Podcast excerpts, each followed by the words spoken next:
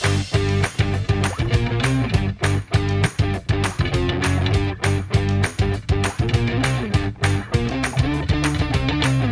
Dit is NFL op woensdag, jouw Nederlandstalige podcast over de NFL, de National Football League. Ja, we hadden in juli even vakantie, maar we gaan er deze maand volle bak tegenaan. Deze week is er weer live American football in de vorm van de Hall of Fame game. En dat betekent dat het seizoen aanstaande is. We kijken voorzichtig vooruit, maar ook nog even terug naar het belangrijkste nieuws van de afgelopen weken. Dit is seizoen 3, aflevering 7 van... NFL op woensdag.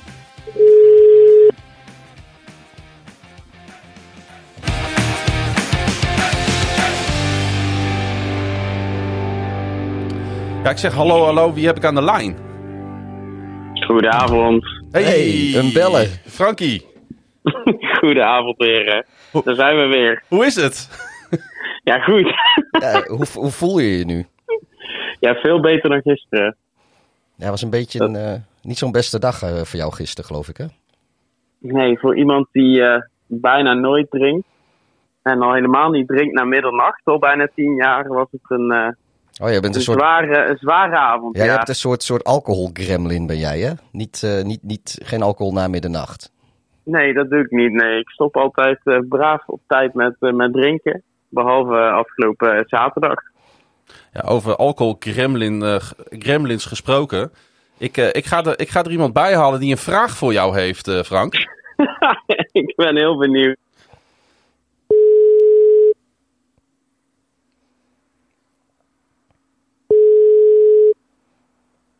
Goedenavond. Hey Rink, Goedenavond. Hey. ik ga je even samenvoegen, want je bent eh, nou ja, live in de podcast. En ehm, ik, ga, eh, ik ga hem er even bij halen, want eh, we hadden Frank al even aan de lijn. Ja, Eh, ja, wie, wie denk je wie het is, Frank? Ja, dus ik, ik gok dat hij voor de Patriots is. Ja, uitstekende gok, jongen. Ja, dat schreef ik al. Ja. Ik, ik, ik zei die thuis op de bank al. Ik heb maar één persoon laten inbellen. En dat is, maar voor een Patriots-fan kan hij wel heel goed eh, Baltimore eh, roepen. Ja, dat klopt, ja. Ah, ik dacht, ik ja, wil niet vergallen, weet je. Ik doe, ik doe gewoon lekker mee. hey Rick, misschien kun, je je even, Oh. misschien kun je je even voorstellen voor de luisteraars, want die hebben echt geen idee waar dit over gaat.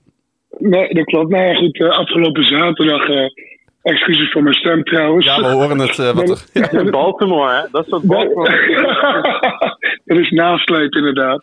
Ehm, afgelopen zaterdag stond ik lekker in, in Café het Feest in Groningen, achter de bar. En ik eh, zie in één keer een bekend gezicht in het publiek. En dat was Klaas-Jan. Klaas-Jan kent mij, die kende mij niet. Nee. Alleen ik ben een trouw luisteraar van de podcast. Dus ik eh, roep Klaas-Jan even naar de bar. toe. Ik zei, hey, Klaas, je, je kent me niet. Maar ik luister eh, al, je, al je podcasts, inclusief de Russo Radio en uh, NFL Woensdag. En eh zij zei, oh leuk, eh, tof, eh, Pieter is er ook. Nou, die was even weg. Ik weet niet waar je was, maar eh, gezellig trouwens. Op de dansvloer. Ah, oké. Ja, dan kan je nog wat verleren, Klaas, trouwens, dat je zit op de dansvloer. Ja, dat is absoluut waar. Maar goed, eh, dus uh, Klaas zegt tegen mij: eh We hebben een vrij gezellig feest van eh, Frankie. Die was ook eens voorbij horen komen in de podcast. Ja. Ja, dat klopt wel. Dus eh, ik zeg: melden, jongeman. Dus ik heb eh Frankie even lekker achter de bar gelaten. Ja. Die mocht even een paar, paar shotjes inschenken. Ja, En precies. eh, achter de bar laten is wel een understatement. Het was meer, ik werd over de bar heen getrokken. De draaibar, hè? Moeten we er even bij met een, zeggen. eh, ja, dat was een draaiende bar, ja. Ja, dat klopt. Ik eh, rende met een fakkel eh, achter die bar langs of zo op een gegeven moment. Ja, Oh, jongens.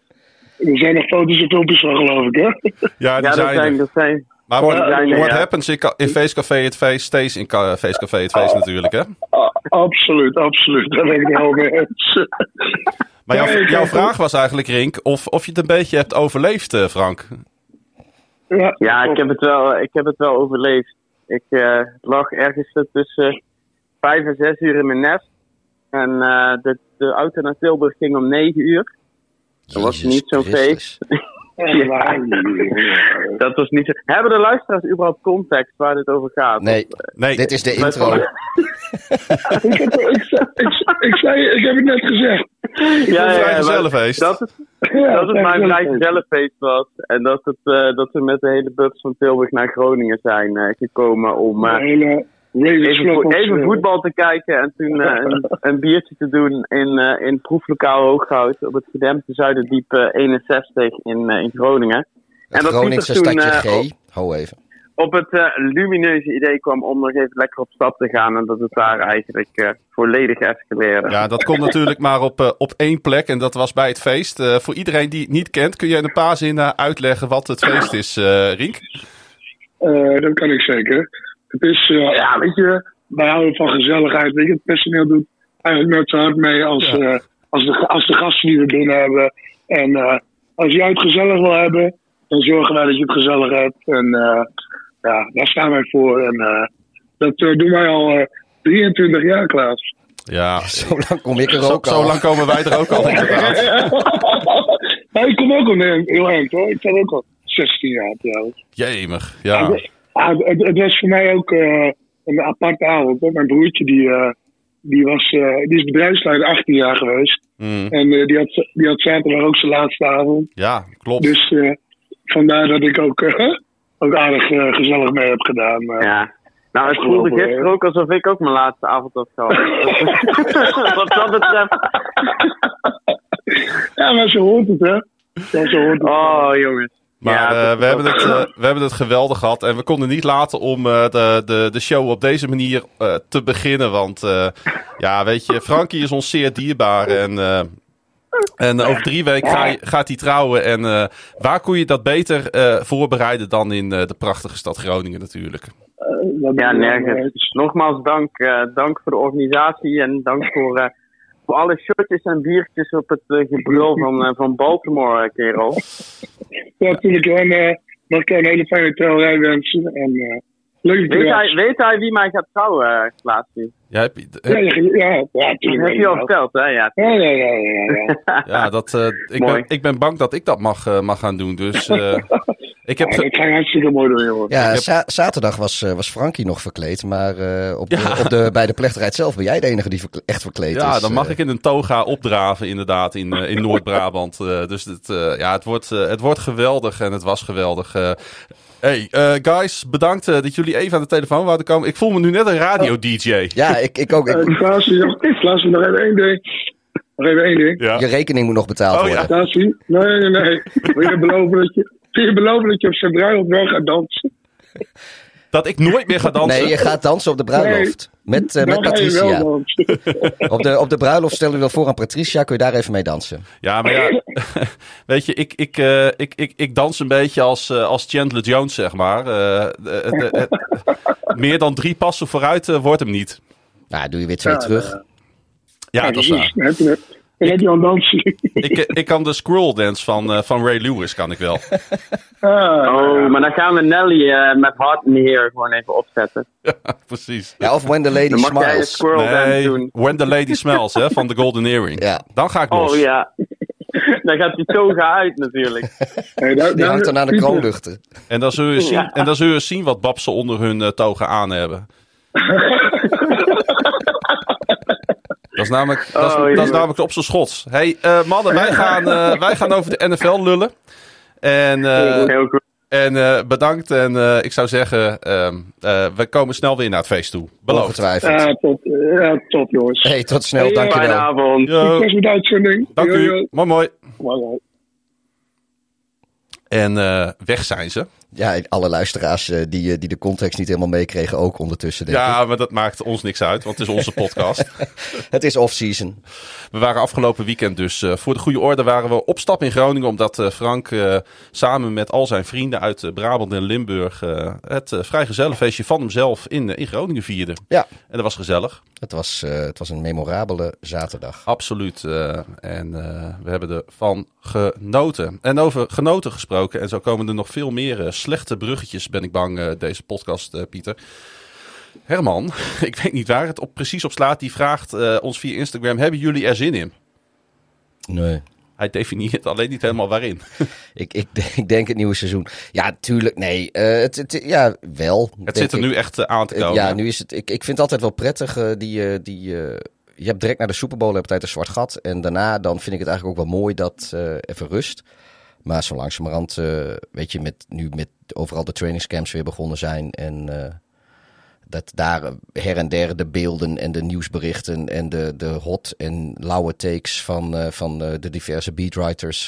daar word je nu mee doodgegooid op social media. Ja, En- vreselijk is dat, hè? ja, maar, en, maar daardoor heb ik nu wel zoiets van, ja jongens, kom maar op. En ja, waarschijnlijk zit ik gewoon donderdag Ik vind, die Hall of Fame game te kijken hoor. Want- Tuurlijk.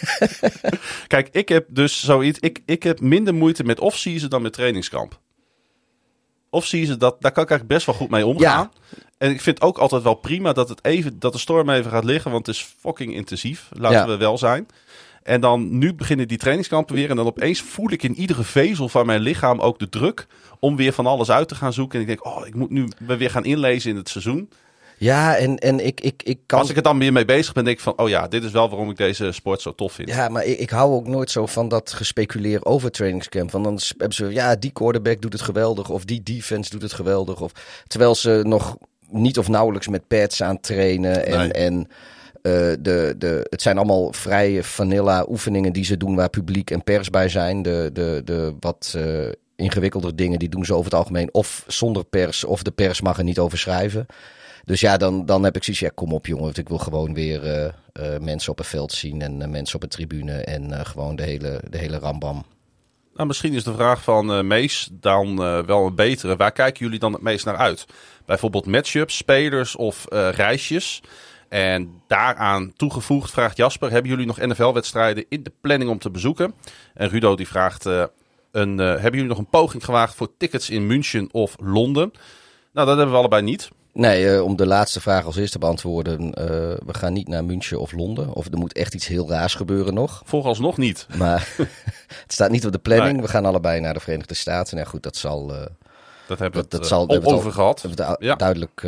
of ja, hebben we al uitgebreid over gesproken in de vorige podcast. Jij gaat naar eh, Atlanta om daar de Bears te zien. Ja, en waarschijnlijk, eh, zoals het er nu naar uitziet, ook nog even naar New York. Ik, dus, want het komt precies mooi uit. eh, de ene zondag in Atlanta, dan tussendoor Thanksgiving in Nashville. En dan de zondag erop bij de Jets in New York. Ja, en dan kun je ergens, natuurlijk uitstekend van, vanuit terugvliegen naar Nederland. ja, en dan natuurlijk. vanuit New York een keer weer terugvliegen in de loop van Ja. die week. Ik vlieg ook gewoon op New York, maar dan wel om heel snel in de trein naar Baltimore te stappen voor de wedstrijd tegen de Carolina Panthers. En de Carolina Panthers, daar gaan we het nog wel even over hebben, want eh, dat team is eh, de afgelopen weken weer een stukje interessanter geworden. Omdat ze natuurlijk eh, een redelijk acceptabele startende quarterback hebben binnengehaald. Ja, en Maar- is, is dat dan de match? Ja, misschien wel de week 1 matchup waar we het meest eh, naar uit kunnen kijken. Los van onze eigen teams natuurlijk. Want het wordt natuurlijk meteen Mayfield tegen de Browns. Tegen de Browns. Ja, het is natuurlijk een hele interessante. Even los natuurlijk van Russell Wilson die naar eh, Seattle terugkeert. Ja, dat, ja, maar ja, tuurlijk, nee, die is ook pikant. Maar de manier waarop het allemaal tussen Mayfield en de Browns gegaan is, geeft, het natuurlijk een, geeft deze matchup denk ik wat extra lading. Ja, een op het oog eh niet zeggende wedstrijd wordt opeens heel interessant. Ja. Dat is het meer, denk ik. eh. ja. ja, want eh, die vraag die staat er inderdaad ook in ergens, hè? Nou, in ieder geval, waar, ja, waar kijken jullie dit jaar het meest naar uit? Nou, dat zijn natuurlijk onze tripjes. Maar voor week 1 zijn het los natuurlijk van... Jij bent denk ik enorm benieuwd hoe Baltimore er in het echi voor de dag komt in week 1. Hetzelfde denk ik van de Bears. Maar goed, dat is, dat is niet zo verrassend. Maar ja, net zo min verrassend is inderdaad dat we Panthers, Browns en eh, Broncos, Seahawks eh, allebei... maar ja, goed, dat, dat zijn denk ik ook de, de interessantste wedstrijden op voorhand in ieder geval in week 1. Ik ben ook heel benieuwd hoe de Dolphins het doen in eigen huis tegen de Patriots. Of de Dolphins gelijk gaan waarmaken waar we allemaal aan denken. Of dat de Patriots toch bij kunnen blijven. Dus dat vind ik ook wel een interessante matchup. En ik moet eerlijk zeggen dat ik Green Bay bij Minnesota ook een toffe pot vind. Want ik verwacht eigenlijk wel wat van Minnesota dit jaar. Ja. Ik verwacht wat minder van de Packers. Dus ook daar zie ik nog wel een upset eh, in het, eh, in het eh, week 1 schedule. Nou, Ja, dat, en- is, en de- dat, dat, dit- ik, ik ben ook die wedstrijd echt voor Minnesota. Want week 2 spelen de Bears en de Packers tegen elkaar. En op dit moment, als de Packers week 1 verliezen... en dat is thuis tegen de 49ers. Dus ja, weet je, dit, dit, dat kan gewoon. Dat, eh, dat is niet ver gezocht om, om, te, om te denken dat Ja. de Niners daar winnen. De Bears kunnen inderdaad. eh, die, die wedstrijd uit, uit, die kunnen dat uitstekend verliezen. En eh, als de Packers dan winnen van, van de Vikings, dan is week 2 spelen de Bears en de Packers tegen elkaar op Lambo. En als de Packers dat dan winnen, dan gaan ze de Bears voorbij in het all-time aantal overwinningen ooit in franchise-geschiedenis. Mm. Het zijn nu 1 en 2 met de meeste over. Het zijn ook twee van de oudste teams. Dus het is op zich wel logisch Ja. dat ze bovenaan staan. Maar als in een onderlinge wedstrijd. Kijk, dat de Packers de, dit seizoen dat record van de Bears gaan pakken, daar heb ik wel vrede mee. Dat gaat ook waarschijnlijk gewoon gebeuren.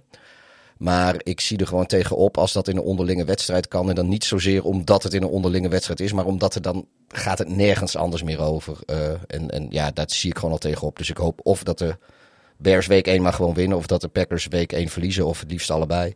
En dan hebben we dat eh, gezeur in week 2 ook niet. Oké, cool. Ehm, ja. ik, eh, ik volg het eh, niet meer helemaal, want dat geeft ook niet. Hey, ehm, ja, waar, kijk, waar kijken we nou het meest naar uit? Nou ja, weet je het gewoon dat het weer gaat beginnen. Dat, en dat is echt zo. Ik weet nog hoe wij jaar in jaar uit altijd ons, ons voorbereiden op, op het seizoen. Met de eerste Thursday Night Football. En dan hadden we een, een traditie die niet heel lang geduurd heeft. Mhm. Dat was namelijk dat we een shotje namen bij iedere gescoorde touchdown in de eerste wedstrijd van het seizoen. En eh, toen we dat deden bij Saints Packers eh, was de Ach jongen, de, de, lol er snel vanaf, hè? de tequila-wedstrijd. De tequila-wedstrijd, exact. Amerikanen geven overal een nickname aan. Dan mogen wij dat ook doen. De tequila bowl. Hey, eh, van welke rookie verwachten jullie het meest in jaar 1? Is een vraag van, van Erik. Vind ik, een, eh, vind ik een lastige vraag. Omdat ik nooit zo echt in die college... Ik ben geen college scout, zeg maar. Zoals bijvoorbeeld eh, onze grote vriend Edu dat wel is. Mhm. Die zou hier eh, perfect antwoord op kunnen geven. Ik, ik, kijk, ik kijk heel graag naar de wide receiver class. Wat die her en der gaan doen. Ja, het, het zou inderdaad voor de draft werd al aangekondigd hoe, hoe diep de wide receiver class eh, zou zijn de afgelopen draft. En volgens mij zijn er ook in de eerste twee ronden zijn er ook verschrikkelijk veel eh, van het bord gegaan. Ja. Ehm, nou ja, en de, de rookie waar ik dan het meest eh, van verwacht is de wide receiver die de Steelers gedraft hebben. Ik weet niet wie het is. Ik heb geen flauw. Ik, ik, durf, ik heb dat zo niet paraat. Maar als de, altijd als de Steelers een receiver draften, dan gaat die week of, of het eerste seizoen, zijn rookie seizoen, gaat hij altijd helemaal los. Weet je, dat hebben we gezien met die, eh, met die Claypool en eh, Ja, ja. we, ze, ja, er zijn nog wel meer geweest. Ik, ik kan al die namen ook niet voor de geest halen. Maar de Steelers hebben er wel een handje van om, eh, om een rookie wide receiver heel goed voor de dag te laten komen. Ik wilde nog wel even een uitpikken. Dat is een running back. Dat is Breeze Hall. Die naar de New York Jets is gegaan. Mhm. Volgens mij komt hij van, van, de, van Frankse College. Oh, dat zou zomaar kunnen. Iowa. Ames. Ames inderdaad. eh, waar ze, wat wij in de pubquiz die zaterdag gespeeld Ja, die is hadden wij eh, goed, goed hadden. Ja, dat hadden we goed. Eh, wat, ik echt een, wat ik echt een talent vind. Een beetje een, het, het zou zomaar eens de nieuwe Jonathan Taylor kunnen worden. Die take wil, ik, wil ik wel hier even zo in de podcast Remind me hebben. in drie jaar of zo. Ja, nou ja, misschien wel in één of twee jaar. Ja. Jonathan Taylor, die kwam natuurlijk ook vrij snel naar het oppervlak. Ehm, nog een andere vraag via Twitter. Ja, die heb jij genoteerd. Eh, oh ja, de, dat was ook van Rudo. Eh, Over de Bears. Over de Bears. Gaat het charme-offensief van Laurie Lightfoot. En dat is de burgemeester van de stad Chicago. Dat is een Eh, vrouw, hè? Dat is een vrouw. Er zijn niet zoveel mannen die Laurie heten, denk ik. Maar je weet het maar nooit in, eh, tegenwoordig. Eh, maar goed, het charme-offensief van Laurie Lightfoot. Of die de Bears in Chicago gaan houden. Er zijn En, sowieso weinig vrouwen die Lightfoot heten, denk ik. ook. Dat dachten. Nou ja, goed, ga door. Het wordt echt een lange podcast, jongens. Ehm, Mm. dat charme-offensief, dat is... eh, nou, ik geloof nu dat ze hebben allemaal plannen gepresenteerd vanuit de stad Chicago... om Soldier Field eh, een dome te maken, om dat te overdekken. En, eh, dat, ja, eh, daar, za- daar zag ik ook wat gefotoshopte Ja, impressies van. Het woord charme valt nu. Dan, ga- dan is de hele charme van Soldier Field toch ook gelijk weg. Ja, en het, weet je, het, het, het gaat ook. Dan is het nog steeds het kleinste stadion in de league. Dan is nog steeds het stadion niet van de Bears. Dan is nog steeds het stadion verschrikkelijk slecht te bereiken te voet. Dan is het stadion nog steeds verschrikkelijk slecht te bereiken per auto. En het stadion is nog steeds verschrikkelijk slecht te bereiken per openbaar vervoer. Want ja, weet je, het ligt natuurlijk verschrikkelijk pittoresk daar aan het meer. We hebben het er al vaker over gehad. Maar daardoor moet je altijd dwars door de binnenstad eh, om er te komen. Dus dat is verkeerstechnisch een drama. En daar komt nog bij dat ja, eh, het, park waar het dat direct tegen het meer aan ligt, is door Lakeshore Drive ook weer geïsoleerd van de rest van de stad. Dus er zijn maar beperkte plekken waar je eh, over kan steken. Ja, ik vind het lopend altijd wel meevallen. Ja, nee, ik, ik op zich ook wel. Maar als je het vergelijkt met hoe andere moderne stadions, zeker die dicht Hmm. bij een stad liggen, die in een binnenstad liggen eh, te bereiken zijn, is Nou Soldier ja. Field gewoon... Je hebt ook gezien wat een chaos het na de, na de wedstrijd van de Ravens kan zijn. Ja, maar goed, dat is wel goed te lopen. Eh, ja, maar dat is in Chicago toch ook zo? Ja, maar op de, de, de, de- je, komt, je, je bent bij de, eh, de auto's en zo. Die zijn voor een, behalve dan degene die de stad in moeten, die zijn, die zijn bij, bij de Ravens zijn ze vrij snel de snelweg op en weg. Ja, oké. Ik weet nog hoe ver eh, en hoe lang we gelopen hebben, bijvoorbeeld na een wedstrijd van de Washington eh, Commanders. Ja, maar dat was dan weer omdat we niet met de auto gingen. Nee, dat was omdat we Maar goed, met, ja, eh, nou ja, goed, ja dat, dat ligt crap. Maar, dat ligt eh, ook niet fijn hoor. Nee, maar eh, de Washington Commanders, dat stadion, kijk, dat, dat speelt dan ook nog mee. Is dat die 62.500 mensen of zo die in Soldier Field kunnen, dat is ook gewoon te weinig. Dan krijg je ook geen Super Bowl mee. Nee, dat is waar. De Bears willen gewoon een eigen stadion met een, wat, waar ze zelf de controle over hebben. Waar ze zelf geld mee opstrijken als daar concerten komen of Final Four komen of, of een Super Bowl georganiseerd wordt. Zoals eh, ze in LA hebben neergezet. Ja. Dus het, eh, ja, het antwoord op die vraag is, eh, is, is echt wel een nee. Want de McCaskies, dat zijn de eigenaren van de Bears, die hebben geen. Volgens mij iets van 260 of 270 miljoen dollar betaald voor, eh, voor dat stuk grond met die drafbaan en zo daarbij, daar in Arlington Park. Nou, die hebben echt dat geld niet neergelegd. om- Arlington Heights toch? Oh ja, Arlington Heights, sorry. Arlington Park is ergens anders. Ja. Of Ja, je, je excuses niet voor aan te bieden hoor. Ehm, maar goed, eh, die gaan. Weet je, zij, zij zijn van alle eigenaren in de NFL Ja. ook weer een van de armsten. Omdat zij hun inkomsten alleen maar uit het team hebben. Ze hebben geen, eh, zoals bij de Lions waar ze Ford hebben. En bij de Patriots hebben ze Kraft. En, en ga zo maar door. Eh, zij niet. Hun enige inkomsten is het team. Dat is wat ze hebben. Die hebben echt niet een kwart miljard dollar uitgegeven om, om de stad Chicago onder druk te zetten. Dat gaan ze gewoon zelf eh, lekker helemaal doen. Over een jaar of tien loopt het huurcontract met Soldier Field af. En eh, ja, als tegen tijd dat het eh, 2031 is, dan eh, denk ik niet dat de Bears nog op Soldier Field spelen. Nee. Nee, ik weet nog dat, we, dat, dat Frank en ik dat tegen elkaar zeiden eh, toen we eh, eh, uit Soldier Field liepen. Ik denk dat de Ravens er nog één keer spelen, Nou, maar nog- misschien ook wel niet. Dat zou, precies. Het, zou- het, het, had, de- het zou de laatste keer kunnen zijn geweest. Maar goed, dat is eh, wel heel erg glazen bol natuurlijk. Eh Robert die vraagt welke sterspeler, specifiek sterspeler, eh, die van team is gewisseld dit offseason gaat het beste presteren en welke gaat het meeste tegenvallen. Nou, daar hebben we even over gediscussieerd vooraf. We waren het volgens mij allebei wel eens Ja, want eh, we hadden het met elkaar. snel viel de naam Russell Wilson. En eh, wat natuurlijk een absoluut topspeler is. in, in al die jaren Seattle Seahawks heeft hij maar één keer niet de playoffs gehaald. En dat was zijn laatste jaar. Mhm. Daarvoor tien jaar op rij wel een Super Bowl gewonnen. Nog een andere Super Bowl gespeeld, maar verloren.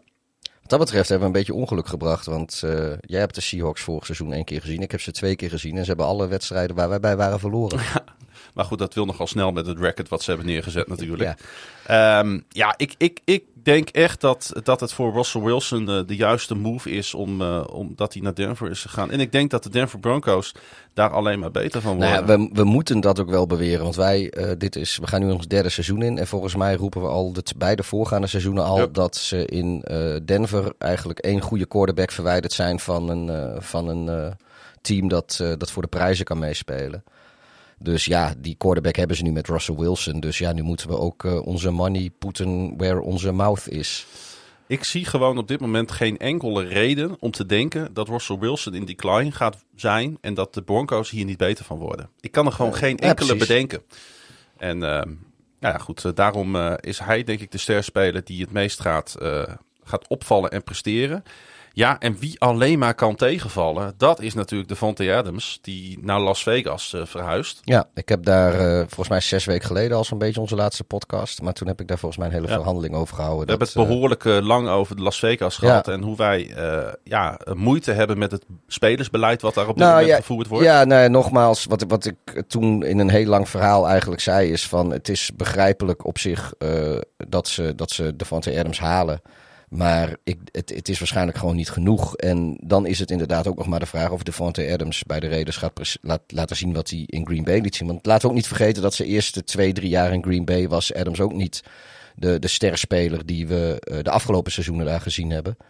Dus eh, het, het, nu in een veel, ja, ik denk toch een minder team wat, eh, wat, wat de Raiders misschien wel zijn. En in ieder geval met een mindere quarterback, want daar kunnen we wel het onbetwist over eens zijn.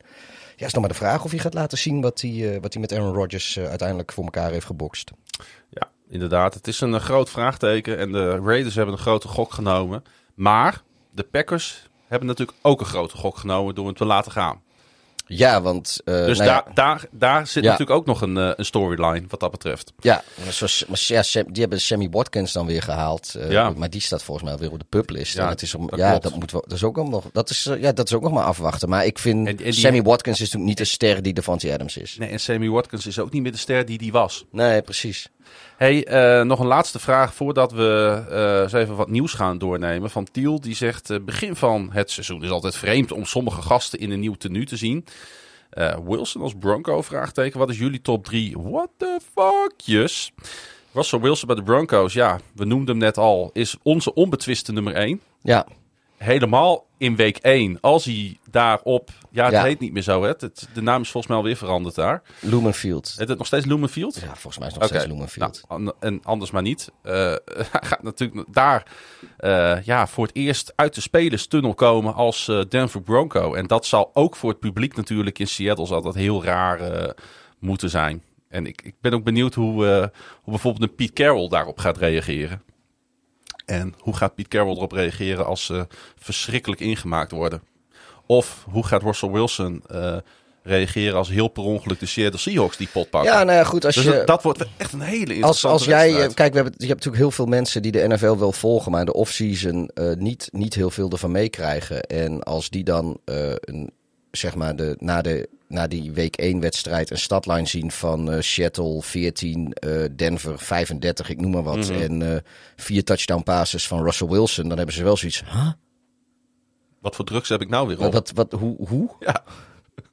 ja, precies. Ja, Davante Adams bij de Raiders is dan een uh, obvious nummer 2 natuurlijk. Ja. Maar, maar, maar Mitchell Trubisky bij de Steelers? ja, nou ja, goed. Ik, ik heb uh, uh, twee jaar geleden, zeg maar voordat hij naar de Bills ging, heb ik gezegd van, nou ja, weet je, Trubisky zou misschien nog wel ergens aan de bak kunnen bij een low-tier uh, team als starter in de NFL. Dat, dat zie ik heus wel gebeuren, maar ik... Nou, en dat zijn de Steelers?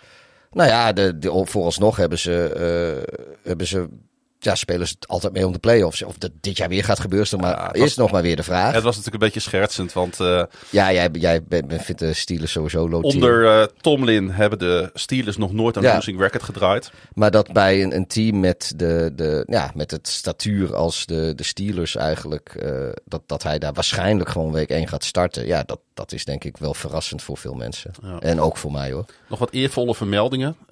Mariota wordt natuurlijk de quarterback van de Atlanta Falcons. Ja. Uh, Baker Mayfield gaat natuurlijk naar de Panthers. Dat zal ook wel even wennen zijn. Het is wel grappig. Ik ga dus uh, uh, de, de, de, Panthers zien in Baltimore dit ja. seizoen. En vorig jaar ben ik ook bij één wedstrijd in Baltimore geweest. Met Baker Mayfield. Dat was met Baker Mayfield bij ja, de Browns. Nu en weer. nu ben ik weer veroordeeld tot Baker Mayfield. Omdat hij naar de Panthers gaat en uitgerekend die wedstrijd die maar één keer in de acht jaar wordt gespeeld. In principe.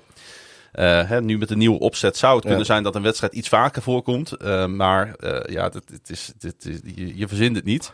Nou ja, en, voorlopig ja, mag je hopen van niet, want dat zou betekenen dat de Ravens op dezelfde plek in de divisie eindigen als de Panthers. En dat wil je denk ik niet nee. vooralsnog. Exact. AJ Brown bij de Eagles kwam jij mee, dat vond ik ook wel een goeie. Ja, en die heb ik helemaal vergeten op te schrijven. Maar dat is natuurlijk uh, uh, Maddie Ice bij de Colts. Ja. Dat uh, gaan we ook nog even. Die staat niet in het script, maar die schoot me in één keer te binnen. Dat, dat is, ook nog, even wennen. Dat is misschien nog wel de allerbeste. Want die, die kennen wij natuurlijk. Jezus, die is sinds 2008, 2009 of zo. Ja. Maar aan de andere kant, Stafford bij de Rams was ik ook heel snel aan gewend. Dus dat, dat is dan ook vorig jaar. Dat, dat was, vond ik vrij Ja. snel al vrij vertrouwd. Maar succes went veel eerder dan. Ja. eh, dus ja, dat is waar.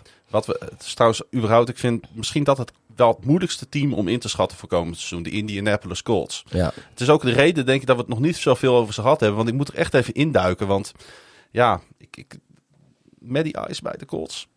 Ik weet het niet. Ehm en wat dacht je van eh de Sean Watson bij, de Browns? Ja, nou ja, vooral ook omdat, denk, in ieder geval wij hadden er geloof ik niet meer op gerekend dat we hem uh, dit jaar nog, uh, nog te zien zouden krijgen. Nou, week Nee. 1 uh, zien we hem niet, maar tegen de Ravens geloof ik Zou die zoals er nu voor staat, eh, zou die weer aan de bak mogen in week 7 is dat dan geloof ik. En het eh, speelt eh, nogal bij onze luisteraars, want er kwamen ongelooflijk veel opmerkingen over binnen. Jasper bijvoorbeeld, die zegt, Watson slechts zes games schorsing, wat vinden jullie ervan? Zowel Jesper als Marijn die zeggen, ja, Watson zes wedstrijden, Calvin Ridley een heel seizoen, hoe dan? Diego die zegt, wat vinden jullie van het feit dat Watson maar zes games krijgt? Niels zegt, wat vinden jullie van de straf van Watson? Herman vindt dat de NFL de plank mislaat. Vrouwen worden hiermee niet beschermd, maar alleen maar meer in het verdomhoekje gestopt. Ik heb er geen goed woord voor over. En eh, inderdaad, de Sean Watson is voor zes wedstrijden geschorst voor violating the league's personal conduct policy. Even een snelle rewind voor hoe het ook alweer zit. Hoe staan we er ook alweer voor? Nou, grand juries in twee counties in Texas hebben besloten om Watson niet aan te klagen voor tien, st- tien strafrechtelijke klachten. Er waren ehm, eh, daarna nog vier zaken over, waarvan drie gesetteld zijn. In totaal is dat 23 keer gebeurd. Allemaal vrouwen die hem beschuldigden van seksueel wangedrag of aanranding tijdens massages. Eén case is momenteel nog niet afgehandeld en hangt dus nog boven Watson, die overigens alle aantijgingen ontkent. Om even neer te zetten hoe de situatie op dit moment eh, is. En zelfs die schorsing van zes wedstrijden is natuurlijk nog niet definitief, hè? Nee, de, de NFL die heeft geloof ik, eh, het is nu voor ons din, maandag, wat is het, maandig hè? Het is maandagavond. Eh, volgens mij hebben ze tot, tot, tot of tot en met donderdag om, dagen. om in beroep te gaan. Dus dat, eh, eh, ik weet niet of ze dat gaan doen. Maar eh, ja, dat, het, het, is wel, ik vind het enerzijds vind ik het, vind ik het opvallend. Want we hadden eigenlijk allemaal gedacht dat het zwaarder zou worden. Anderzijds, ze hebben dus een, een, een, een rechter als mediator ingeschakeld Ja. om, om dit te, te beslissen. En toen ik de, de motivatie erachter lag, la- las, eh, vond ik het wel logisch weer eigenlijk. Ja, die rechter, die mevrouw, die is dus aangesteld voor de duidelijkheid door zowel de NFL als de NFL Players Association, de NFLPA. Dus die hebben samen hebben die bedacht dat dat eh, de beste manier zou zijn om deze zaak ja, hopelijk dan tot een goed eh, einde te brengen. Maar goed, zoals bijvoorbeeld Herman erover spreekt, ja, daar heb ik ook wel weer heel veel begrip Ja, voor. nee, dat, dat is ook zo. En eh, eigenlijk wat, wat je hier nu ziet, is hoe beroerd die personal conduct policy eh, eh, voor het league personnel eigenlijk is. Tenminste, die, die, hoe, hoe slecht die policy eigenlijk geschreven is. En in het verleden werd daar nogal vrij.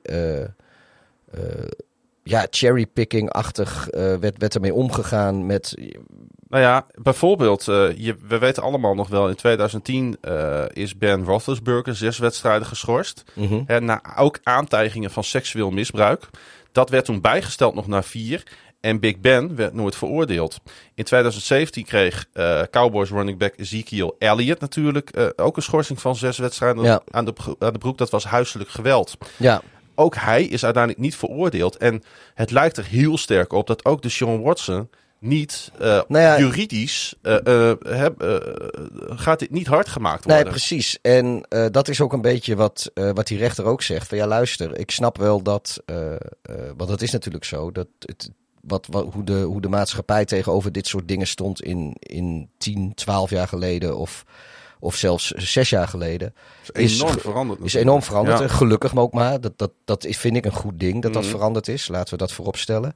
Maar de, de, de, de, de policy zelf is niet veranderd. En de rechter die heeft ook, eh, of die mediator dan, die eh, heeft eigenlijk gezegd van ja luister, ik snap wel dat de NFL eh, mee wil gaan met, met de trend zoals die nu leven in de maatschappij, met, met hoe er nu tegen aangekeken wordt. Maar dan moet je dus wel je policy aanpassen. Of de spelers eh, eh, duidelijk laten weten dat, dat je dat anders gaat beschouwen. En als je dat niet doet, en zij verwijt dus eigenlijk de NFL een beetje dat ze dat niet gedaan hebben. eh, dan kun je eigenlijk niet anders dan straffen zoals je altijd gestraft hebt. In, in, in dat licht ga, heeft ze dus Watson ook bestraft. En Dus je zou kunnen zeggen dat de huisregels van de NFL, die zijn niet met, met hun tijd meegegaan. Nee, en eh, waar in het verleden dus de niet een onafhankelijke mediator naar keek, maar de NFL zelf uitspraak deed, daar konden ze zelf beslissen aan de hand van hun huisregels. En dan konden ze zeggen, nou bam, hier, je krijgt een seizoen naar je broek, alsjeblieft, eh dankjewel. Ehm, nu hebben ze dus een, een echte eh, iemand die, die er verstand van heeft. nog veel meer. Die hebben een, een buitenstaander ook een beetje na laten kijken. En Een vrouw, notabene. Een vrouw ook nog. Ehm, en ja, die zegt gewoon, ja, luister, als je gewoon droog de letter van de policy erbij pakt en, en hoe er in het verleden omgegaan is met, met voor Ja. zover die er zijn Nou ja, daarom, noem ik, eh, daarom noem ik Wolfersburger en, Elliot hier ook, omdat die ook op zes wedstrijden zijn gezet. Ja, dus, dus ehm, ja, eigenlijk is het gewoon de schuld van de NFL dat zij zelf eh, niet eh, de mogelijkheid hebben gelaten om hier strenger tegenop te kunnen Kijk, treden. en voor gokken staat dus Daar precies. een andere Want dat is, strafmaat. Ja, nou ja, dat is het dus met eh, Calvin Ridley. Die heeft natuurlijk een heel seizoen gekregen voor het niet strafbaar voor de wet dan gokken op wedstrijden waarin hij zelf niet eens speelde. Mhm. En toch heeft de NFL hem voor een heel seizoen geschorst. Maar dat is inderdaad iets wat dan weer wel duidelijk beschreven is. Dus dan Ja. kun je gewoon zeggen, luister. En waar je het ook moeilijk mee oneens kan zijn trouwens. Nou ja, eh, in zoverre. eh, ik, ik snap, Je moet ik- gewoon dat ja, nee, precies, opzoeken. Nee, precies. Alleen, alleen als je die twee dingen nu weer naast elkaar zet. Juist. dan, Dan is het dan uit voelt het, dan voelt het heel scheef. Maar eh, dat ligt dus niet zozeer aan, aan de zware straf die Ridley gekregen heeft. Nee. Maar eigenlijk aan dat. En zouden dan de Cleveland Browns dit aangevoeld hebben? Zouden die dit ook bedacht hebben van tevoren met dit zou dit als wij nu kijken naar nou, de situatie? dat, dat denk ik niet. want Want, ze zijn, eh, ze, zijn, ze zijn voor mij geen winnaars in deze situatie, want deze situatie kent alleen maar verliezers. Maar het valt nu uiteindelijk natuurlijk voor de Cleveland Browns hartstikke mee. Ja. Ehm, nee, maar ik denk niet dat dat bewust is. Want ik weet ook nog dat zij riepen dat ze hun due diligence gedaan hadden. En toen hadden op een gegeven moment een stel Washington Post of, of New York Times journalisten. Die vonden in één keer binnen no time nog een stuk of tien vrouwen, geloof ik, eh, erbij. Waarvan, de, waarvan de Browns niet eens wisten dat ze bestonden. Dus tot zover je due diligence. Eh, dat het met deze mediator zou zijn, eh, dat die het zou beslissen. dat wisten ze ook niet. En dus ze konden ook eigenlijk niet weten dat het een mediator zou zijn die misschien wel het, het, het normale eh, strafrecht of procesrecht eh, eh, een beetje heeft toegepast op de, de huisregels van de NFL, om het zo maar te zeggen. Mm. Dat dat allemaal zou gebeuren, dat, dat konden de Browns niet voorzien. Dus ze komen hier denk ik wel goed weg. Maar ik, ik heb, als ik zo een beetje heb bewust. geluisterd naar Roger Goodell de laatste tijd, dan heb ik het gevoel dat er een beroep gaat komen de komende dagen. Dat denk ik wel, want ik kan me niet voorstellen dat de straf lichter uitvalt. Dus de NFL heeft eigenlijk niet zoveel te verliezen. Ja. Ehm, wat wel bizar is eh, trouwens, is dat eh, de eerste zes wedstrijden van de Browns. eh, ik weet uit mijn hoofd niet meer welke teams dat zijn. Maar dat is op papier hebben ze het makkelijkste schedule van iedereen in de eerste zes weken. Ze spelen sowieso. En hun moeilijke stretch Ja. begint in week 7. En dan zou die terug zijn. Dus in, mocht het bij zes week blijven, dan hebben ze wel redelijk de mazzel dat. Eh, volgens mij is de op papier moeilijkst ingeschatte wedstrijd. Is volgens mij die openingswedstrijd tegen de Panthers. Maar ja, voor zover je wedstrijden op papier. Ja, ze spelen eh, ook tegen de Patriots, weet ik. Maar als echt, als, als, als hij, Baker, of eh, sorry, Baker Mayfield, dus als de Sean Watson in week 7 zijn eerste pot gaat spelen on the road in Baltimore. Ja, hoe gaat hij daar ontvangen worden? Ja, eh, Dat kan alleen maar een heksenketel worden. maar natuurlijk, maar dat, dat, dat wordt het sowieso wel. En dat was het ook met Baker Mayfield weer geworden. Ja. Ehm, even kijken. Zullen we kijken wat het eh, schedule is van de, van de Browns in de eerste zes weken? Voor de grap. Nou ja, de openingswedstrijd weten we dus. Ja, en we weten ook wat week 7 gaat brengen. Even kijken. Ehm, Sorry. nou ja, eh, eerst at Carolina Panthers, dan thuis tegen de Jets, dan thuis tegen de Steelers, dan uit bij de Falcons, dan thuis tegen de Chargers, dan thuis tegen de Patriots. Het is, het, zijn, het is niet allemaal even makkelijk, maar ja, het is de NFL, je hebt niks makkelijk, maar het feit dat de Jets en de Panthers en de Falcons in die eerste zitten en de Steelers en de Chargers en de Patriots, dat zijn op zich pittige wedstrijden, maar die zijn allemaal thuis, niet uit. Nou, en dan begint het inderdaad met at Baltimore, eh, de Bengals, de Dolphins, de Bills, de Buccaneers, de Texans, de Bengals, de Ravens, de Saints, de Commanders en de Steelers. Maar er zit wel van echt die eerste zes weken, die zijn zo anders dan de tweede zes weken, om, het, om, om dat zo maar te zeggen. Dat, Mhm. Het is bijna opvallend. Ik, dit is puur toeval. Maar eh, als, je, als je gevoelig bent voor eh, conspiracy theories, dan zou je hier wel wat van kunnen vinden, denk ik. Nou, we kunnen in ieder geval constateren dat hij niet zal starten wanneer de eerste speelronde aanbreekt. De quarterback die wel start is de 33ste. Ik heb het even uitgezocht. Sinds 1999. Geen team gebruikte meer quarterbacks. De Browns die hebben drie andere quarterbacks op hun training camp Ja, ze roster. hebben ook nog die Rosen, die Josh Rosen of zo. Zeker, Josh Rosen, Joshua Dobbs. En ze hebben z- natuurlijk Jacoby Brissett gehaald. Brissett startte vijf wedstrijden voor de Dolphins in 2021. Nu, nou, die, heeft wel, eh, die, die zit er wel een, een beetje in. Ook wel qua eh, wedstrijdritme. Noteerde daarbij een 2-3 record. Nou, kun je van alles van vinden. Rosen die speelde, eh, niet te vergeten, ook vier wedstrijden. Vorig seizoen voor de Falcons. Geen enkele keer als starter. En Dobbs startte nog nooit een NFL-wedstrijd. Maar speelde er wel zes. Allemaal voor de Steelers. Oké. Ehm, ja, we zullen het ermee moeten doen. Maar een beetje onbevredigend voelt het allemaal wel, hè? Ja, maar ik heb ook nog steeds het gevoel dat het nog niet helemaal afgesloten is. Wat ik zeg, ik denk, ik, maar nu is mijn gevoel dat de NFL inderdaad wel in beroep gaat, wat jij net ook al zei. En eh, ik weet dan niet of die zes wedstrijden blijft. Hadden de Arizona Cardinals een andere optie dan het eh, vette contract voor quarterback Kyler Murray? Nou, eigenlijk niet. Murray tekende een vijfjarige contractverlenging met een waarde van 230 miljoen dollar, waarvan 160 gegarandeerd. En daarmee is de quarterback in principe tot en met 2028 verbonden aan Arizona. Als dat ook daadwerkelijk gaat gebeuren, zal hij de op één na langste spelende quarterback worden in franchise history achter Jim Hart. Die 18 seizoenen achter zijn naam heeft staan voor de St. Louis Cardinals. Tussen 1966 en 1983. En Pieter, er is een reden waarom ik dat benoem. Eh, ik noem dat niet omdat ik het leuk vind om dit soort feitjes op te zoeken. Maar het zal toch een van de belangrijkste redenen zijn, denk ik, voor de Cardinals om Murray deze deal te geven. Want stabiliteit op quarterback en vooral ook levensduur en duurzaamheid. Ja, die zijn wel een issue hè, voor de Cardinals sinds hun verhuizing naar Arizona in 1988. Ja, ja en daar komt bij dat eh, ze hebben natuurlijk de afgelopen offseason hebben ze de nodige eh, te doen gehad eh, met Murray. Weet je, op een gegeven moment had hij alle Cardinals eh, ge- eh, eh, referenties van zijn social media verwijderd. En de wet vanuit de organisatie werd gelekt dat, dat ze het hem eigenlijk kwalijk namen dat, dat ze de... ze geloof ik direct in de eerste ronde zijn ze kans Ja, op de playoffs door de door de, door de Rams. Dat namen ze Murray kwalijk. eh, tenminste, zo, eh, zo, zo die geruchten gingen zo dat, dat, dat zo zou dat gelekt zijn.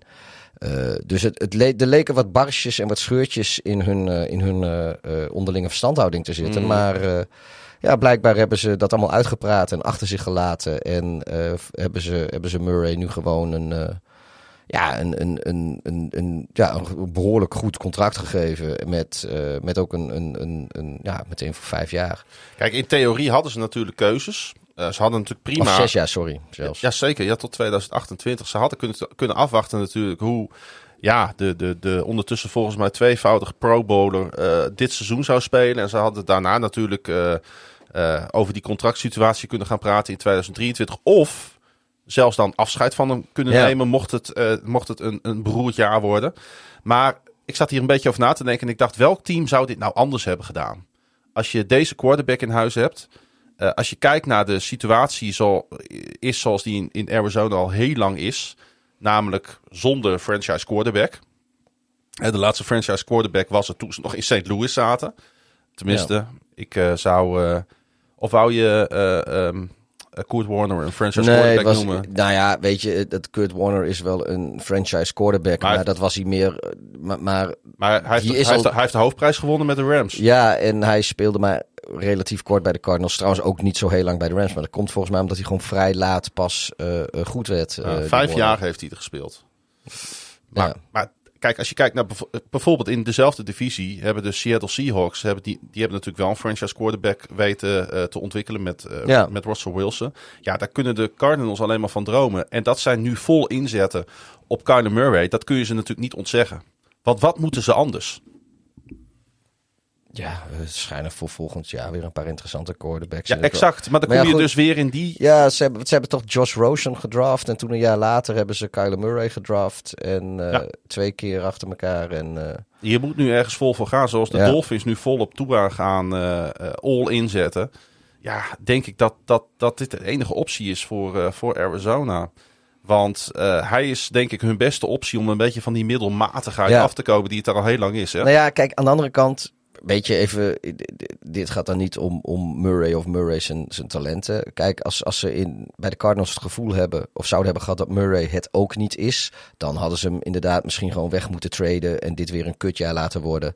En dan kijken wat je volgend jaar te pakken kan krijgen. Want uh, je moet je kan nog je, je team zo verschrikkelijk goed opbouwen als jij niet een, een hele goede quarterback hebt. Uh, uh, die je eigenlijk het, het liefst ook op zijn op rookie contract. Want dat is helemaal het mooie natuurlijk. Ja. Uh, maar als dat niet lukt, ja, dan moet je inderdaad doen wat de Broncos met, gedaan hebben met Peyton Manning. En nu hopen te gaan doen met Russell Wilson.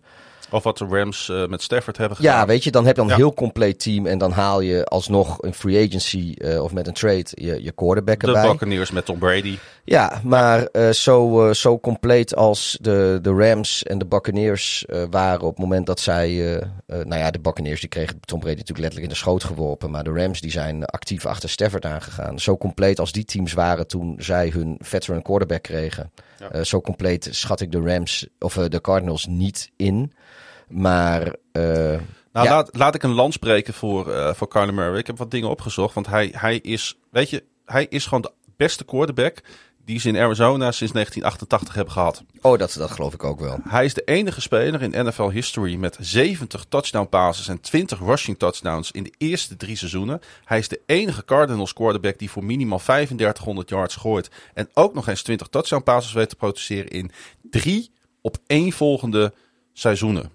En zijn gecombineerde meer dan 13.000 passing en rushing yards zijn het op twee na meeste in league history tijdens de eerste drie seizoenen van de speler. Alleen Andrew Luck en...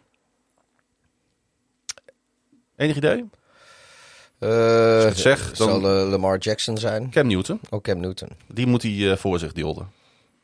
Nou ja, tel daar inderdaad die twee Pro Bowl verkiezingen bij op. Hij, had, hij was Rookie of the Year in 2019. En dan zou je best wel een case kunnen maken dat de Cardinals ja, nee, een van de betere quarterbacks in de league hebben betaald. Ja, nee, dat klopt. De, dit, nee, ik, ik, ik vind het ook terecht hoor. Dat wat ik, nou ja, mijn verhaal net, begon ik ook met van even los van de talenten van Murray. Nee, dit, dit is natuurlijk het handigste wat ze hebben kunnen doen, want al het andere was gewoon heel lastig.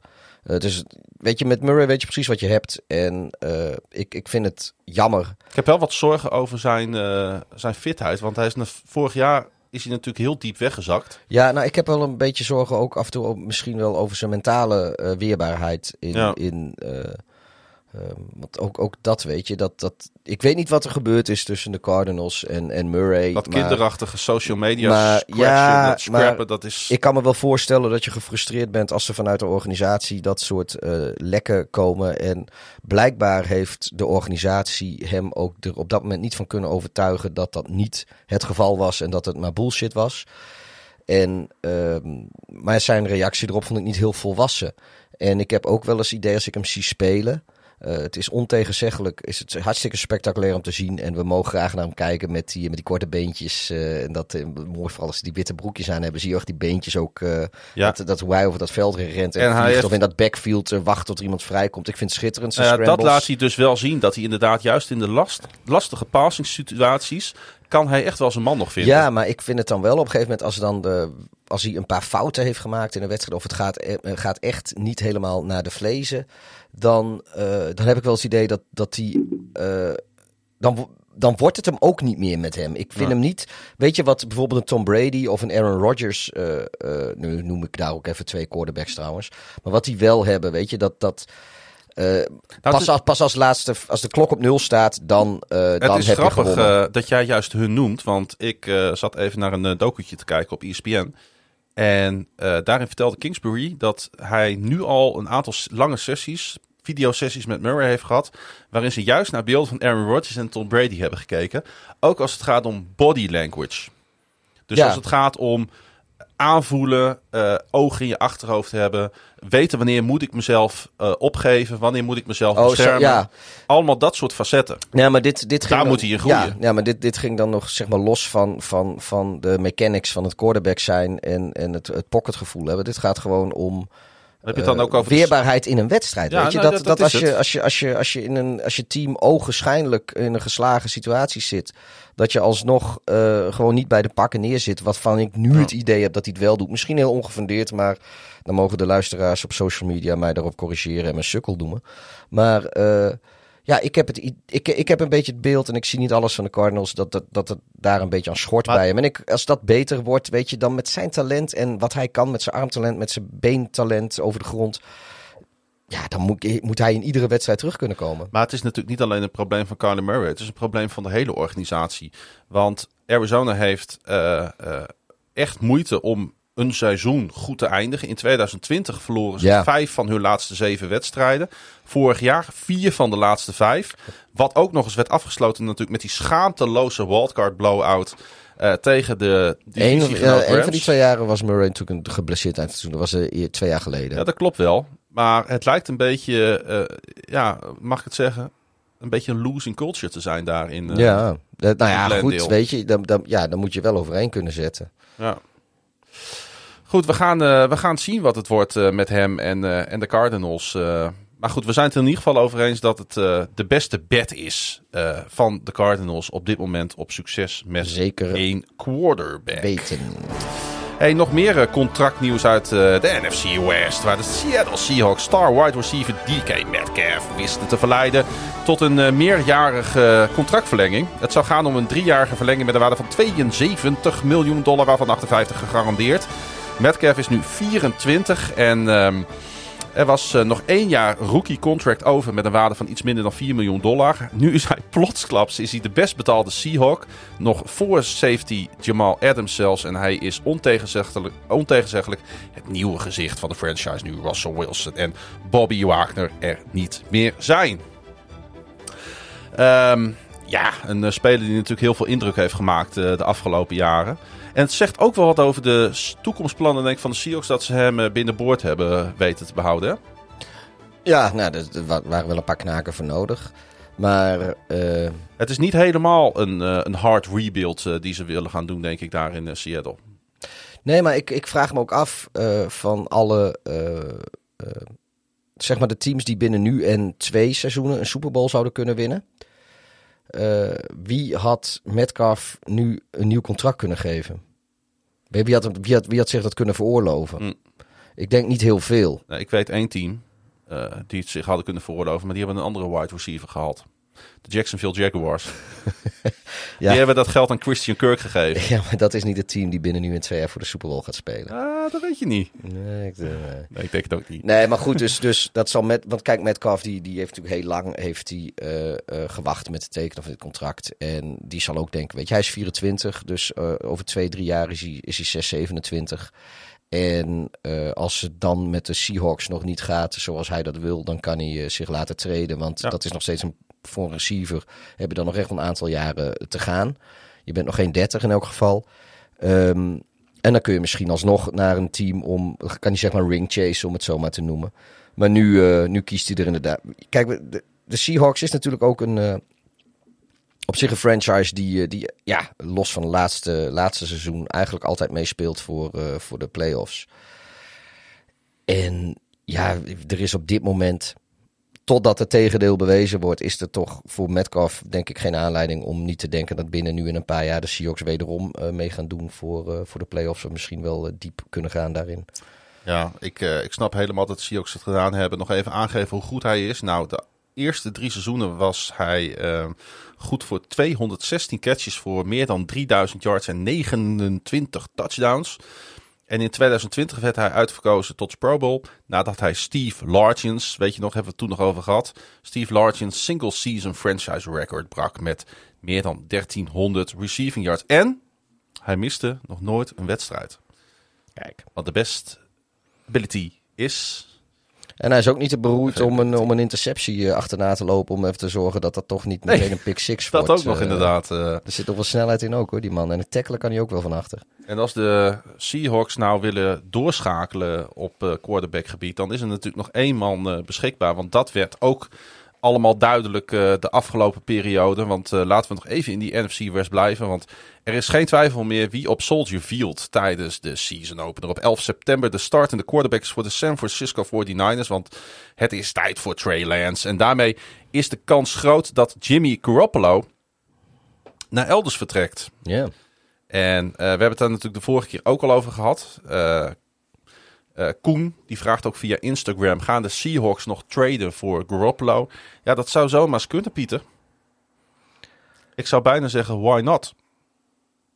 Ja, ik, ik weet alleen niet eh, of je als Seahawks, wat, wat een team wat nu eigenlijk even opnieuw moet gaan bouwen, of Jimmy G dan de quarterback is waarmee je dat wilt, eh, als dat je ook weer draft capital en zo gaat kosten. Ik, ik weet niet of, of dat voor de Se- Denk Seahawks... je, eh, denk je dat de zitten die al... 49ers eh, op heel veel draft capital zitten te wachten? Ik heb geen idee, maar de Seahawks, heb maar de ja, maar de. Seahawks hebben niet zo heel veel voor, geloof ik. Ja, Oh ja, of hebben die voor Russell Wilson een dikke hol gekregen? Want De die Seahawks, hadden, zeker. ja, Ja, ja, maar die, ja, ha- ja. ja, die, hadden, die hadden natuurlijk heel weinig. Want dat was ook zo'n Mhm. team die, eh, die altijd... eh, weet je, even alles en iedereen. Maar nee, ze, eh, hebben, eh, ze- ze, hebben wisselgeld eh, op Ja, dit moment in de laatste. Nee, je hebt gelijk natuurlijk. Ze hebben dat, die, die, dingen voor, Wis- voor En, Wilson gekregen. en want ik ze- denk dus dat de 49ers al lang blij zijn als ze iets gaan terugkrijgen voor Jimmy G. In deze fase van het se- seizoen. Eh, eh, eh, een, een, een, een vierde, derde, derde ronde pick. Mhm. als hij, en, en als hij niet de helft van de wedstrijden speelt. Want dat is natuurlijk blessuregevoeliger dan, dan een vierde ronde of zo. Alles beter, Conditional third. alles beter dan releasen natuurlijk. Alles wat je ervoor kan krijgen is winst. Want ze gaan hem anders natuurlijk releasen. Want ze moeten die 24,2 miljoen dollar basissalaris natuurlijk besparen. Ja, En dan, dan houden ze maar eh, dik 1 miljoen dead money over. Dus de 49ers hebben het wat dat betreft goed gespeeld, hè? Ja, en ze hebben ook, nou ja, ze hebben, of, of juist misschien ook weer niet helemaal. Want ze, ze hebben, ja, ik snap het wel, eh, maar ze zeggen nu ook gewoon ondubbelzinnig, eh, we gaan voor Trey. En dat is voor Trey Lance, is dat leuk. En het is ook goed dat ze Maar, dat maar doen. voor de trade value van Garoppolo, die is nu natuurlijk wel een beetje down the drain. Want eh, Als hij niet naar de Seattle Seahawks gaat, Jimmy G, waar zie je hem dan eventueel nog landen? Welk team komt als eerste eh, in je op? eh, jeetje. De, de, de, de Saints zou nog steeds kunnen, toch? Ja. Want wat, daar hebben ze... God, wie staat daar nu? Ik, niet die... ehm, eh, James Winston. James Winston, ja. En ja, ik, ik, ja, die kan wel heel veel touchdown passes gooien, maar dan gooit ook. Ja, ik, ik, ik weet het niet. Wat, wat, wat en welke Nou ja, teams zitten nog? Ik ja. zat aan de Houston Texans te denken, want ehm, Dat zou ik niet doen. Die hebben met Davis Mills hebben ze iets, een, een quarterback op dit moment waarvan ik niet weet of, of die überhaupt minder is dan Garoppolo. En hij is eindeloos veel goedkoper. maar ze hebben geen mentor achter Mills. En hij zou dat wel kunnen gebruiken. Ja, maar ik denk niet dat Garoppolo naar de Texans gaat om daar tweede viool te spelen. Oké. En ik zat, ik zat ook nog aan de New York Giants te denken. Want Daniel Jones is, de, ja, is daar, die, natuurlijk klaar. die geruchten die gaan wel natuurlijk. ja, Eh, maar Danny Dimes, ze schijnen juist vol op hem ingezet te hebben. Maar er, er gingen, ik, ik las geruchten, maar dat was Ja. uit een super onbetrouwbare bron. Zo'n zo'n weer zo'n roddeljournalist eh, uit, eh, uit, de, uit de New Yorkse boulevard scene. boulevard pulpblaadje zien. En ehm, maar je, hey, Pieter. eh, eh, de Giants hebben met, eh, nee, ze hebben vol ingezet op, op, op, op Jones. die hebben met Jones 4-12, 16 en 4-13 gedraaid. Ja. En nu kunnen ze een quarterback binnenhalen die een winning culture met zich meebrengt. Want dat heeft hij. Ja, Waarom ik, zou het niet doen? Weet je, ik, ik, ik geloof ook niet in, in Danny Dimes, maar... Nee, kijk, de Giants zijn aan het overleven. Omdat die volgend jaar natuurlijk voor een jonge, nieuwe, frisse quarterback willen gaan. Maar waarom zou ik dit jaar niet overbruggen eh, eh, met, met Jimmy G en alvast dat, dat basisniveau omhoog willen tillen? Is wat ik dan denk. Maar goed. Hey, ehm, er was eh, dit weekend ook opeens het nieuws waar iedereen al een beetje op zat te wachten. Zeker de fans van de San Francisco 49ers. Want na een rollercoaster offseason met een trade request, een social media scrubbing, ook alweer een, en wide receivers die over de hele league lucratieve contract te tekenen, heeft ook Debo Samuel zijn deal te pakken. Hij tekende een contractverlenging van drie jaar met een maximale waarde van 73,5 miljoen dollar, waarvan zo'n 58 gegarandeerd. Lijkt een beetje op dat andere contract wat dat betreft, hè? Ja. Van uh, Metcalf. Uh, Samuel is daarmee de zevende wideout die dit offseason een deal tekent van tenminste 24 miljoen dollar per jaar.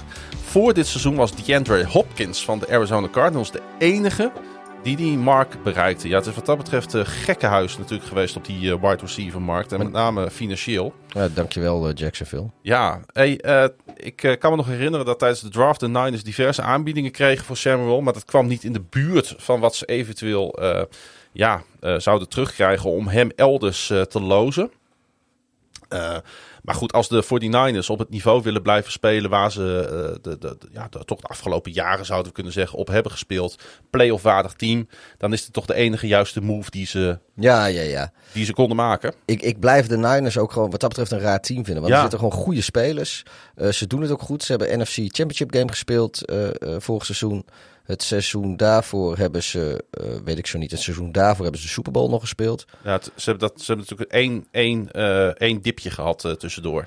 Uh, maar ik, ik kan ze nog steeds maar lastig... Met al die blessures, ja, weet je nog? Ja, maar ik kan ze nog steeds maar lastig peilen. Ja. Um, maar in deze, ja, met alle respect, toch iets zwakkere NFC-conference... doen zij toch wel mee in de top 5. Ja, kijk, ze, de, de, de, ja, van de... Ze hebben, ze hebben notabene vorig jaar in de playoffs in Dallas en Green Bay gewonnen. Nou ja, dat ze in Green Bay winnen, dat is appeltje eitje. Dat, dat, nee, maar, nee, maar dat doen zij altijd op een of andere manier. Uh, met Kaepernick ook al, de 49ers en Green Bay. Dat ligt elkaar de laatste twaalf jaar totaal niet. In de playoffs in elk geval.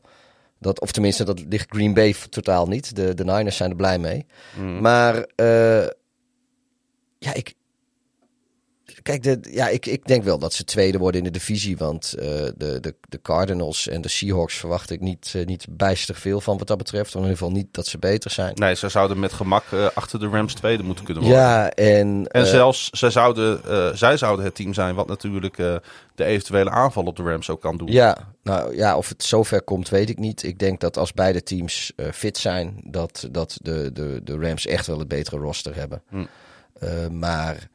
Uh, ja, je moet, weet je, je moet ook een beetje geluk hebben, want anders vaart niemand, zonder geluk vaart niemand wel. En ja, inderdaad, die NFC.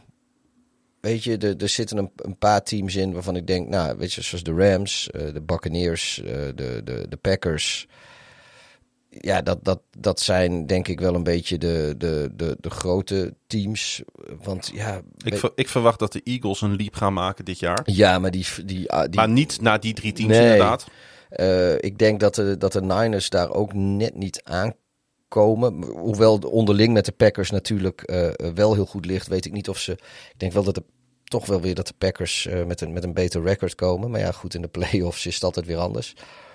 Ja, zij gaan, het, zij gaan wel weer gewoon playoffs halen. Dat ze, zeven teams gaan erheen. Ik kan me niet voorstellen dat. De 49ers daar niet bij zitten. Nee, ze nee, gaan de divisie niet. niet winnen, maar dan gaan dus... maar dat de, hoeft dus ook nee, niet maar in winnen de, nee, de, Packers die, win, die winnen de North en de Buccaneers die winnen de South en de East. Nou ja, dat zullen de Cowboys of de Eagles waarschijnlijk zijn. Maar laten we zeggen, als, als iedereen fit blijft, denk ik toch dat dat de Cowboys worden. Ja, als dat denk daar, ik dus uh, niet. Maar goed, dat geeft niet. Uh, um, Want die zijn wel in decline. Maar daar gaan we het zo nog maar, over maar hebben. goed, uh, en dan, maar dan de nummers twee. Ja, weet je, dat zijn teams als, als, als de Vikings en inderdaad dan de, de Saints. Of inderdaad dan weer de Eagles of de, of de Cowboys. Ja, nee, dat zijn de Niners echt wel veel beter. Ja, en ze hebben natuurlijk uh, met Samuel, denk ik, de uh, revelatie van vorig jaar ook uh, binnen de ploeg. Die was natuurlijk niet te stoppen. Hij werd de eerste speler sinds 1999 en de derde in NFL history met tenminste 1000 receiving yards, 5 receiving touchdowns en 5 rushing touchdowns in één seizoen. Dat laat zien hoe moeilijk het is om op beide uh, vlakken uh, uh, uit te blinken op hetzelfde moment. En uh, ja, weet je, uh, hij was league leading met 18,2 yards per catch. Dat, dat zijn natuurlijk gigantische chunks. Um, 14 gecombineerde touchdowns. Uh, zijn 1770 yards from scrimmage. Ranken hem derde in de NFL. Uh, ja, moet ik nog doorgaan? Weet je, hoeft natuurlijk nee, niet. Hij is, maar hij is centen gewoon waard. En, absoluut, uh, ja. Ik hoop dat, eh, dat ze met Trey Lance eh, iemand hebben die, eh, die hem kan voeren eh, vanaf week 2. Ja, dat is natuurlijk de vraag. Eh, wat, wat, eh, als het om sleutelposities gaat, om de skill positions, zit het bij de 49ers goed. Als het om de defense gaat, zit het goed bij de 49ers. Als het om de coaching gaat, zijn ze ook proven. Als het om playoff bound gaan, gaat, zijn ze proven. Maar hoe komt Trey Lance voor de dag, is natuurlijk wel de grote vraag. Want ja, hij had slechts twee fill-in starts. 71 passes heeft hij als rookie gegooid. Het is eh, het enige vraagteken bij deze franchise op dit moment. Maar ze, dat- maakt het ook wel weer heel leuk natuurlijk om dit team te gaan volgen. Hè? Na week 2 gaan ze het goed doen. Ja, precies. Hey, ehm, eh, ik eh, zag nog twee pensioentjes voorbij komen. Laten we die ook nog even benoemen. Want Danny Amendola die heeft besloten met pensioen te gaan. Ondanks dat meerdere teams geïnteresseerd waren in zijn diensten als wide receiver. De nu 36-jarige Amendola speelde 13 jaar in de league. Voor de toenmalige St. Louis Rams, de New England Patriots, de Miami Dolphins, de Detroit Lions en de Houston Texans in 2021 nog. Hij won eh, natuurlijk twee Super Bowl titels met eh, New England. Dat weten we allemaal nog wel. In 2014 en 2016 was hij onderdeel van The All Decade Team voor de Patriots. Waar hij naast wide receiver ook nog eens een prima kick returner bleek. Wat- was trouwens een undrafted agent, hè? Een undrafted free agent, Een ja. undrafted free agent. Een UFDA. eh, Dat je, ja, precies. Dat je toch wel eh, ver eh, kan komen wat dat betreft. En Medola, die eindigt zijn loopbaan met 617 receptions voor 6212 yards en 24 touchdowns. En hij heeft al aangegeven voor de televisie te willen werken. En, Wie wil eh, dat nou niet? ja, Ryan, nou ja, goed. eh, ja, ik, ik niet per se. Ik blijf liever achter een microfoon zitten. En wat nog Ryan Kerrigan, want eh, zijn linkerknie die wil echt niet meer. Dus kondigde Ryan Kerrigan vorige week aan te stoppen. De linebacker speelde liefst 10 seizoenen voor Washington voordat hij vorig offseason bij de Philadelphia Eagles tekende. En hij gaat eh, als pensioen, met pensioen als commander door het tekenen van zo'n eendaags contract, zoals je dat wel vaker ziet. Ja. En terecht natuurlijk als je 10 jaar voor een team hebt gespeeld waar je all-time sack leader bent met 95,5 sacks. Misschien wel een beetje een soort van ondergewaardeerde speler eh, is dit Ja. geweest hè, de afgelopen eh, ja. Tien jaar als je naar zo'n eh stat kijkt. Hij is ook viervoudig pro bowler. En wat ik mooi vond aan die Kerrigan, hij was ontzettend gecommitted aan zijn sport en zijn lichaam. Hij leefde op een streng dieet, begon iedere dag, iedere dag, geen dag uitgezonderd met het eten van twee kipfilets. En dronk iedere dag 9 liter water tijdens het seizoen. Ik, ik vind kipfilet, ik heb toch beter ki- kipdijfilet eten, is toch veel lekkerder. Ja, maar het gaat, het gaat natuurlijk om de, om de calorietjes. Maar ja, hey, eh, eh, je bent wel gecommit. Ja, maar Kijk, ik, 9 liter bier, dat redden wij nog wel op een dag. ja, Nou ja, bier zit ook veel water in, hè? dat bier is gemaakt van water, heb ik eh, laatst geleerd. Nou ja. Hey, we hebben het regelmatig gehad over Kansas City Chiefs left offensive tackle Orlando Brown Jr. Eh, Sterker nog, eh, er ligt ergens in dit huis een veel te klein t-shirt van Orlando's. eh, Oh, van Orlando's, ja. Zal ik die straks nog even pakken? die staat volgens mij bij mij als een soort naveltrouwtje. Dan ben ik net Ezekiel Elliott. Voor iedereen die The Wire wel eens heeft gezien, wat zich afspeelt in Baltimore, ja, dan weet je wel wat Orlando's is. Orlando is, een nachtclub. ja, maar hoe, heet, hoe noemen ze het daar ook alweer? A, City Bar. Nee, Oh. a, a woman's, a woman, a, a, a man's gentleman's club. Een gentleman's A club. gentleman's club. Oh ja, ik weer ordinair Titty Bar. Nee, Ja, het is een Een gentleman's club. Gentleman's Club. Eh, hij heeft zich vandaag, en vandaag is maandag, gewoon op de training gemeld. En eh, ja, zal dan ook nu zijn franchise tender gaan tekenen. De blindside protector voor quarterback Patrick Mahomes zal dus dit seizoen onder de franchise tag spelen. Aangezien team en speler niet tot een long-term deal kwamen voor de deadline van 15 juli. Ja, hij Oh, gaat maar gewoon... volgens eh, mij mogen ze nog, alsnog wel die deal overeenkomen. Alleen eh, als ze hem voor 15 juli niet gefranchise-tagged hadden, dat is een probleem gehad. Dus die, die deal die kan er nog steeds komen. Maar die komt er niet, want hij gaat dus een franchise tender tekenen. Is bekend geworden. Oh ja, maar dat moet ook. Maar daarna kan er alsnog door onderhandelen om dat eh, open te breken Ja. en een nieuwe deal te maken. Ja, hij gaat in ieder geval, als dit uitkomt zoals hij het tekent, hij gaat eh, 16,6 miljoen dollar dan verdienen. Het gemiddelde natuurlijk hè, van de top 5 salaris Ja. op zijn positie. Voor de mensen die niet weten wat een franchise tag is. Ehm, ja, ik denk, eh, ik denk key hè, voor de Chiefs en voor Patrick Mahomes dat, eh, dat deze jongen de blindside van eh, Mahomes voor zijn Ja. rekening neemt. Hey, ehm, zullen we nog even naar Tampa? Ja, Want daar was goed nieuws en slecht nieuws.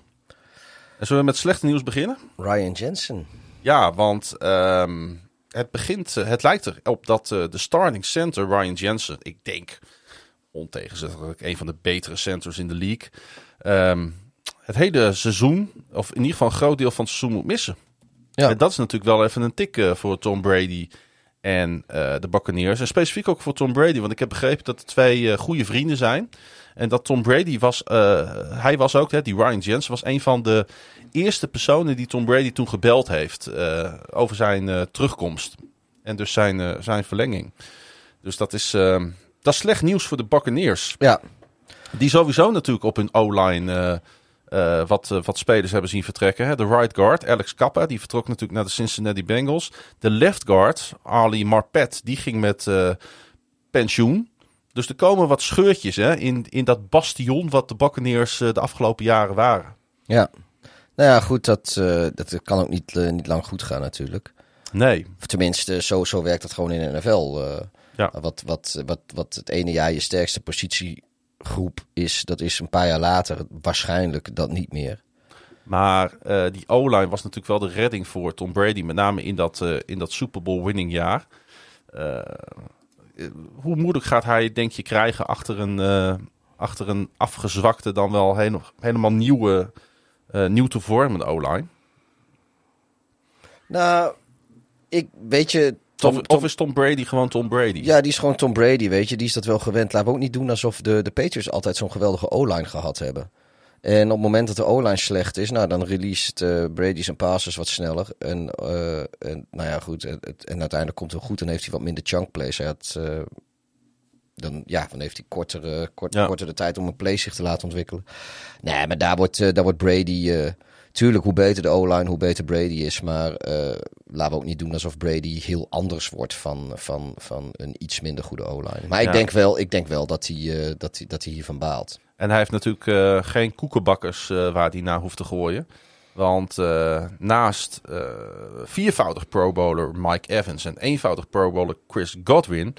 hebben ze Julio Jones erbij gehaald eh, bij Ja. de Buccaneers. Vond je dat verrassend toen je dat hoorde? Eh, nou, dat hij naar de Buccaneers gaat, in, in principe niet. Laten we, kijk, Jones die heeft eh, vorig jaar bij de Titans eigenlijk niks laten zien. Hij was ook geblesseerd zo'n beetje het hele seizoen, volgens mij. Maar ja, dus de Titans hadden ook zoiets van, pff, beste maar weer. Maar dat hij dus nu gaat ringchasen en als je, dat, dat, dat vind ik wel logisch. En als je wil ringchasen op dit moment, ja, dan doe je dat in Tampa. Dat is... eh, Het was niet best hè, vorig seizoen eh, met eh, 434 yards en één touchdown in 10 wedstrijden. Ja, maar hij volgens mij... eh, eh, nou goed, hij heeft dus sowieso zeven wedstrijden gemist in het reguliere seizoen. Maar hij volgens mij was hij ook een ander deel nauwelijks fit. Eh, Weet je, het was gewoon... Klopt. Het, het, het was niet representatief. Dus ik weet ook niet of Jones de Jones is zoals we hem kennen van eh, zijn tijd bij de Falcons. Maar ehm, ja, weet je, als Tom, Tom Brady de ballen naar je gooit, dan... eh, dan, dan ja, als hij dan nog in een schim van zichzelf is, dan moet hij wel her en der wat leuke dingen kunnen laten zien. Ja, hij zal zijn eh, franchise nooit verkopen en al helemaal geen tweede team toestaan in Dallas. Maar mocht Jerry Jones toch van gedachten veranderen, dan kan hij zijn organisatie verkopen voor een slordige 7,64 miljard dollar. Ik heb het niet op de bank, Pieter. En daarmee zijn de Cowboys de meest waardevolle franchise in de sportwereld. Momentje ook eens even te checken of ik dat wel heb. Op de bank. Kijk maar even.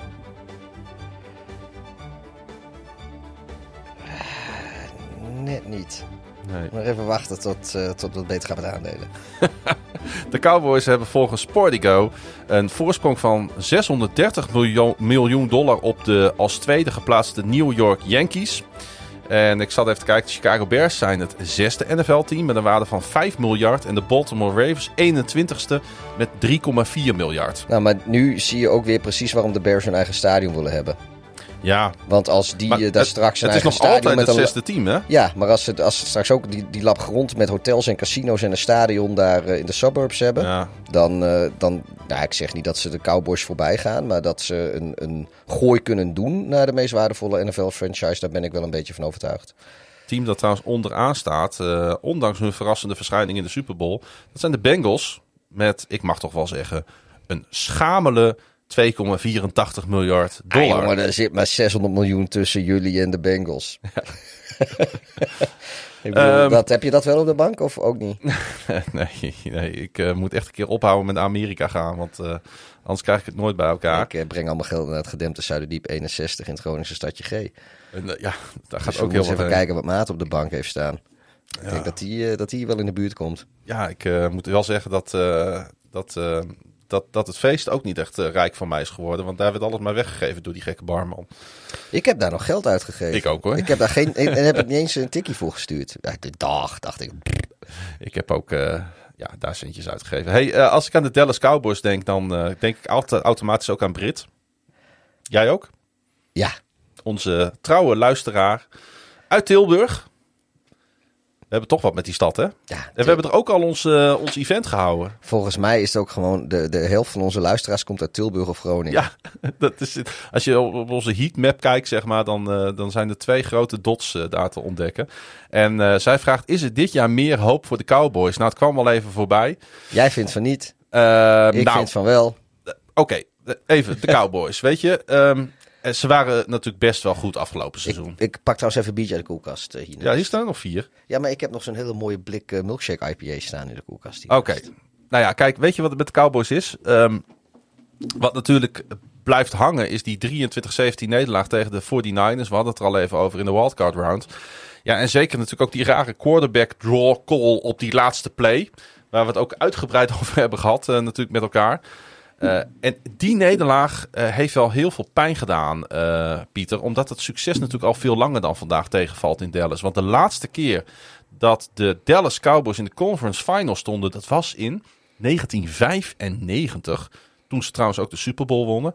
Sinds een wildcard ronde overwinning in het seizoen daarna is Dallas 3-10 in de playoffs. Dus drie overwinningen in 25 jaar. Dat is toch bij een team. De, de grandeur, zeg maar, wat de Dallas Cowboys zijn, is dat een ongelooflijk trieste balans. Ja.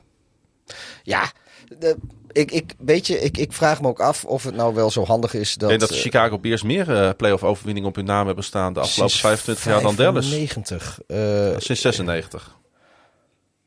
nou, ja, ja, ja, ja, dat, Ja. dat ja, sowieso. Want ze hebben de Super Bowl natuurlijk gehaald. En eh, En een keer de conference finals. eh, ja, maar daar hebben ze maar, ja, daar hebben ze maar één keer voor hoeven winnen natuurlijk. Ja, omdat ze, de, maar ik denk dat eh, de Bears hebben er in elk geval In ieder geval drie. vier.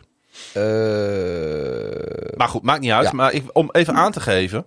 het, misschien het ook minder nederlagen trouwens. Want volgens mij halen we niet zo vaak de playoffs als Dallas. Dus we hebben er ook Ja. minder verloren. Dat is ook waar. Maar ja, weet je, de Cowboys hebben natuurlijk dit seizoen gewoon een diepe playoff run nodig om eh, dat vertrouwen ook natuurlijk van de fans weer eens een keer te herstellen.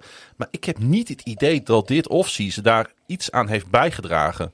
Want ehm, de Cowboys moesten natuurlijk hun eh, star pass rusher eh, Randy Gregory laten gaan, Pieter. Twee starters op de O-line hebben ze moeten laten gaan. Hun guard, Connor Williams en hun tackle, Leo Collins. En met name dat vertrek van Gregory was natuurlijk heel knullig. En receiver Amari Cooper, die werd praktisch gratis weggegeven in een trade met de Cleveland Browns. En dan is er nog dat veel te dure contract van Ezekiel Elliott. Hè? ehm, ik heb niet het idee dat de Cowboys er beter op zijn geworden. Nee. Maar jij denkt daar schijnbaar anders over. Nee, ik heb niet het idee dat ze er extreem veel beter op zijn geworden. Maar ik, ik Sterker nog, het roster is gewoon minder goed dan vorig jaar. Ja, maar ik, ik heb ook niet het idee dat. eh, ja, ik weet niet. Ik, ik, ergens heb ik wel het idee dat, eh dat Dek eh, leuke dingen kan laten zien. En- Zeker. Het is een ongelooflijk Ehm, goede quarterback. En de NFC East blijft altijd een hele rare divisie, vind ik. Eh, daar, daar doen ze elkaar ook altijd heel veel pijn. En op de een of andere manier. dat, is ook, dat vind ik ook echt. Dat is ook een divisie. Ja, ik, ik Maar ik zeg ook niet dat het een 4-13 team is. Nee, maar ik vind het, het, het- de, de, de visie vind ik ook. Het, het gaat tussen de Eagles en de Cowboys. En ja, ik zie daar de, de Cowboys. Ik heb het idee dat de Eagles veel meer in een winning eh, modus zijn. In een, in een soort van eh, gezonde opbouw. Dan de Cowboys op dit moment. Ja, maar ik zie dan dan wel weer dat, dat eh, in de divisie zelf de Cowboys het beter kunnen gaan doen dan de, Dat dan kan. de Eagles. Dat kan natuurlijk. En, eh, want dat is dus het rare, vind ik, van de, van de NFC East. Dat is eh, misschien wel de enige divisie waar het in, als ik, ja, in mijn beleving, zoals ik, hem al, zoals ik de NFL eh, volg, regelmatig voorkomt dat niet het beste team uit de divisie de divisie wint. Ja, zoals Washington natuurlijk twee jaar geleden. Ja, het gebeurt regelmatig dat, eh, ook, ook bijvoorbeeld de jaren dat de, de, de Giants de Super Bowl wonnen bijvoorbeeld. Die hebben hem twee keer gewonnen natuurlijk, eh, weet ik veel, 2008 en 2012 of zo, weet ik veel. Ik, noem maar wat, eh, ik, ik weet exact de jaren niet, maar zoiets zal het geweest zijn. Met, met Eli Manning. Maar de- volgens mij, in ieder geval de tweede keer, maar volgens mij beide keren, klapten ze op de allerlaatste speeldag van het seizoen nog even met de hakken over de sloot met de wildcard die playoffs in. Omdat zij, eh, om vervolgens daar ongenaakbaar te zijn, maar ja, in die eigen divisie kwam, ja, weet je, dan worden ze gewoon tweede of, of, of, of, of derde misschien zelfs wel. Dat, dat weet ik zo niet meer. Maar ja, en dat vind ik. Maar oké, in, in dat scenario zouden de Dallas Cowboys inderdaad de divisie kunnen winnen. En dan zouden de Eagles eh, vanwege een matig record erbuiten kunnen vallen. Maar als- Nou, nee, ik al, ik al zie- 25 jaar hebben de Cowboys geen playoff run gemaakt. En daar, da- er zit daar gewoon iets, iets structureel mis. Nee, maar dat zie ik deze keer ook niet zomaar gebeuren. Nee, dat zie ik dus ook niet gebeuren. En ze hebben natuurlijk de keuze gemaakt om Mike McCarthy daar te behouden. Ja. ondanks dat het eigenlijk middelmatigheid is en ze door natuurlijk eh, verkeerd eh, sideline management die playoff wedstrijd hebben weggegeven op het eind, hè, met die rare playcall. Ik zie gewoon geen enkele verbetering ten opzichte van vorig jaar. Ik zie nergens een lichtpuntje op het roster. Of het moet de betere defense zijn onder, ehm, eh, onder ehm, eh, wie hebben ze daar? Eh, Dan Quinn. Mhm. Want die heeft daar natuurlijk wel een ijzersterk seizoen neergezet als defensive coordinator vorig jaar. Hè, er is geen unit in de NFL wat zich beter verbeterd heeft dan de defense van de Dallas Cowboys in een jaar. Ehm, en dan zie ik Jerry Jones, want dat is natuurlijk een idioot, zie ik een interview geven een paar maanden geleden, waarin die Sean Payton opeens aan het ophemelen is. Als beste coach op deze planeet. Ja, daar, daar, daar, daar gingen geruchten ook toch dat, hij, dat ze daar misschien wel wat mee wilden. Maar eh, dat heeft eh, Peyton zelf eh, vrij rap ontzenuwd. Ja, maar als Peter straks een paar weken op de bank zit American voetbal te kijken. In plaats van al die jaren dat hij aan de zijlijn stond. En de Cowboys staan na acht wedstrijden op een 4-4 record. En Jerry Jones denkt, ik moet wat doen. Ik flikker Mike McCarthy eruit. Dan kan ik je wel vertellen wie daar de coach gaat worden. Zou, zou... Dat is mijn take. Oké. Okay. Mijn take is, toch tijdens dit seizoen wordt Mark McCarthy wordt vervangen door Sean Payton. Als dat, uh, als dat is op een moment dat ze bijvoorbeeld 4-4 staan of zoiets, maar dat ze dus nog zeker, uh, zeker niet kansloos zijn, dan uh, zie ik, dan, dan zouden er best wel leuke dingen kunnen gebeuren nog. Welke landing spots zijn er voor OBG, voor Odell Beckham Jr. vraagt Mick zich af. Nou, dat hebben we in de vorige aflevering behandeld. Dus dan moet je die nog even terugluisteren, Mick. Sorry. En uh, Leon die vraagt welke spelers of coaches liggen het meest onder een vergrootglas komend seizoen. En ja, ik zou ik niet zijn. Klaas-Jan zou Klaas-Jan niet zijn. Als ik daar, jawel, een top 10 van heb gemaakt. Het kan ook nooit in de top 3 zijn met jou, hè? Nee, ik heb het top 10 van gemaakt. We zitten wel al dik over de helft van het, uh, van het script, uh, Pieter. Nou, nee, volgens mij denk, zijn we net een beetje op de helft. Nee, ja, goed. Uh, pagina 8 van 14, dan ben je dik over de helft. Hey, we, zijn, we, zijn, we zijn net, net de kaap. Zijn we, volgens mij gaan we nog steeds bultje op, hoor. Hoe, uh, hoe staat uh, Tua er, uh, er echt voor? Waar ligt zijn plafond? Ja, het blijft natuurlijk gissen. In 2019 speelde hij te vaak niet om er wat zinnigs over te zeggen.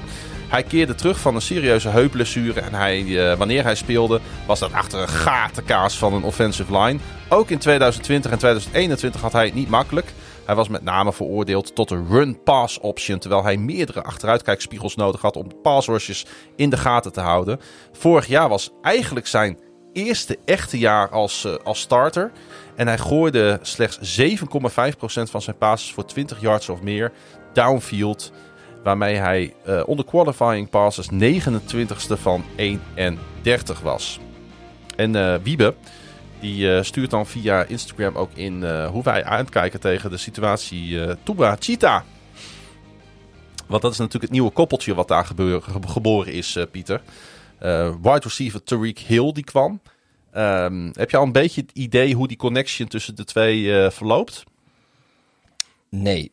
Maar eh Hill die heeft volgens mij wel gezegd dat, hij, dat Tua beter was dan... Eh, heeft heel veel gezegd al. Ja, de, de Tua was beter dan Patrick Mahomes, geloof ik. En eh Tua schijnt ook gewoon eh, misschien wel het beste te zijn wat de mensheid is overkomen sinds Jezus Christus. Zoiets heeft hij volgens mij ook eh, gezegd, is hij on record voor.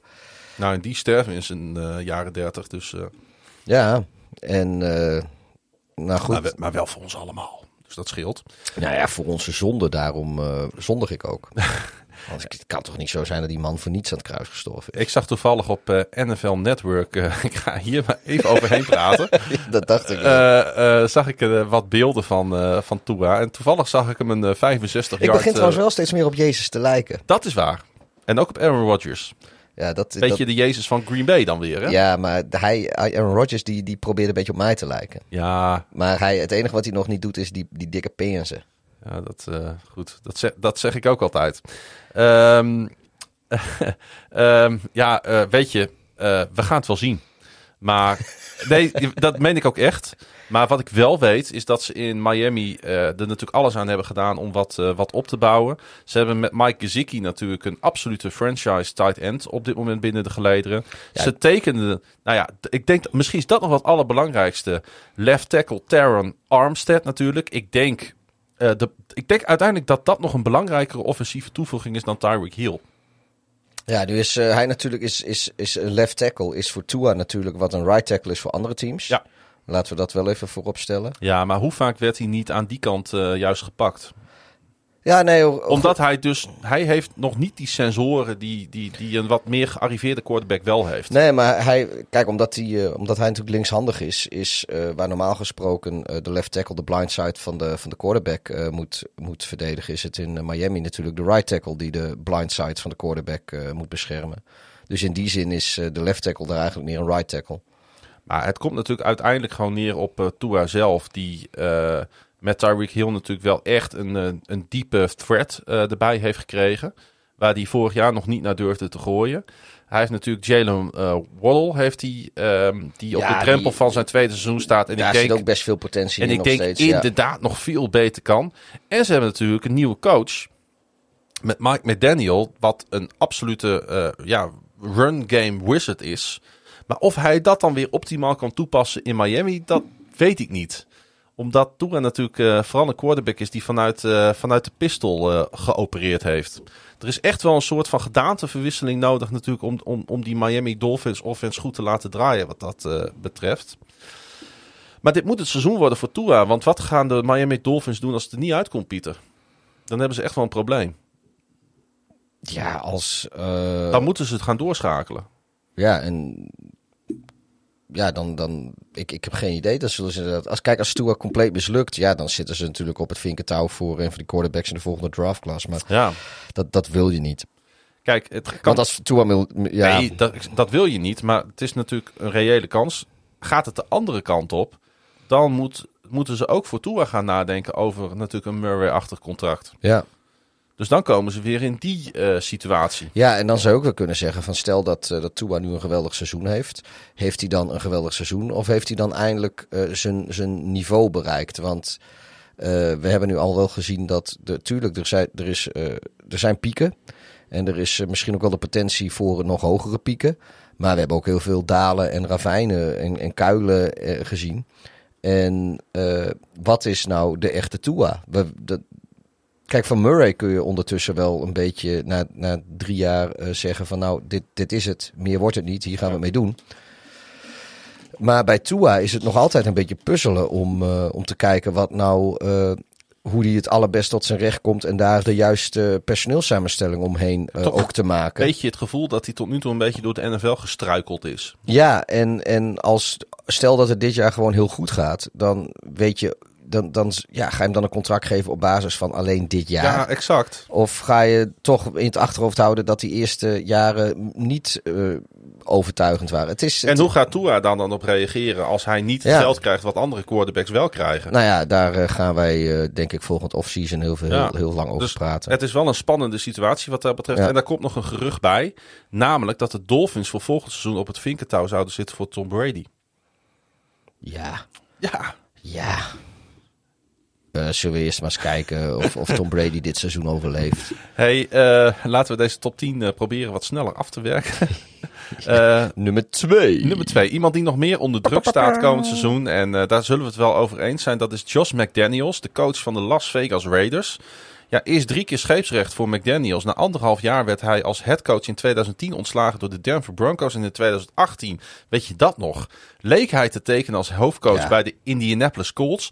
Maar liet hij de franchise eigenlijk ja, bij het altaar staan. Of we zitten een beetje in de, in de huwelijkssferen. Ik hoop niet dat we dat gaan meemaken over een paar weken. Bij het altaar staan om toch aan te blijven als offensive coordinator bij de Patriots.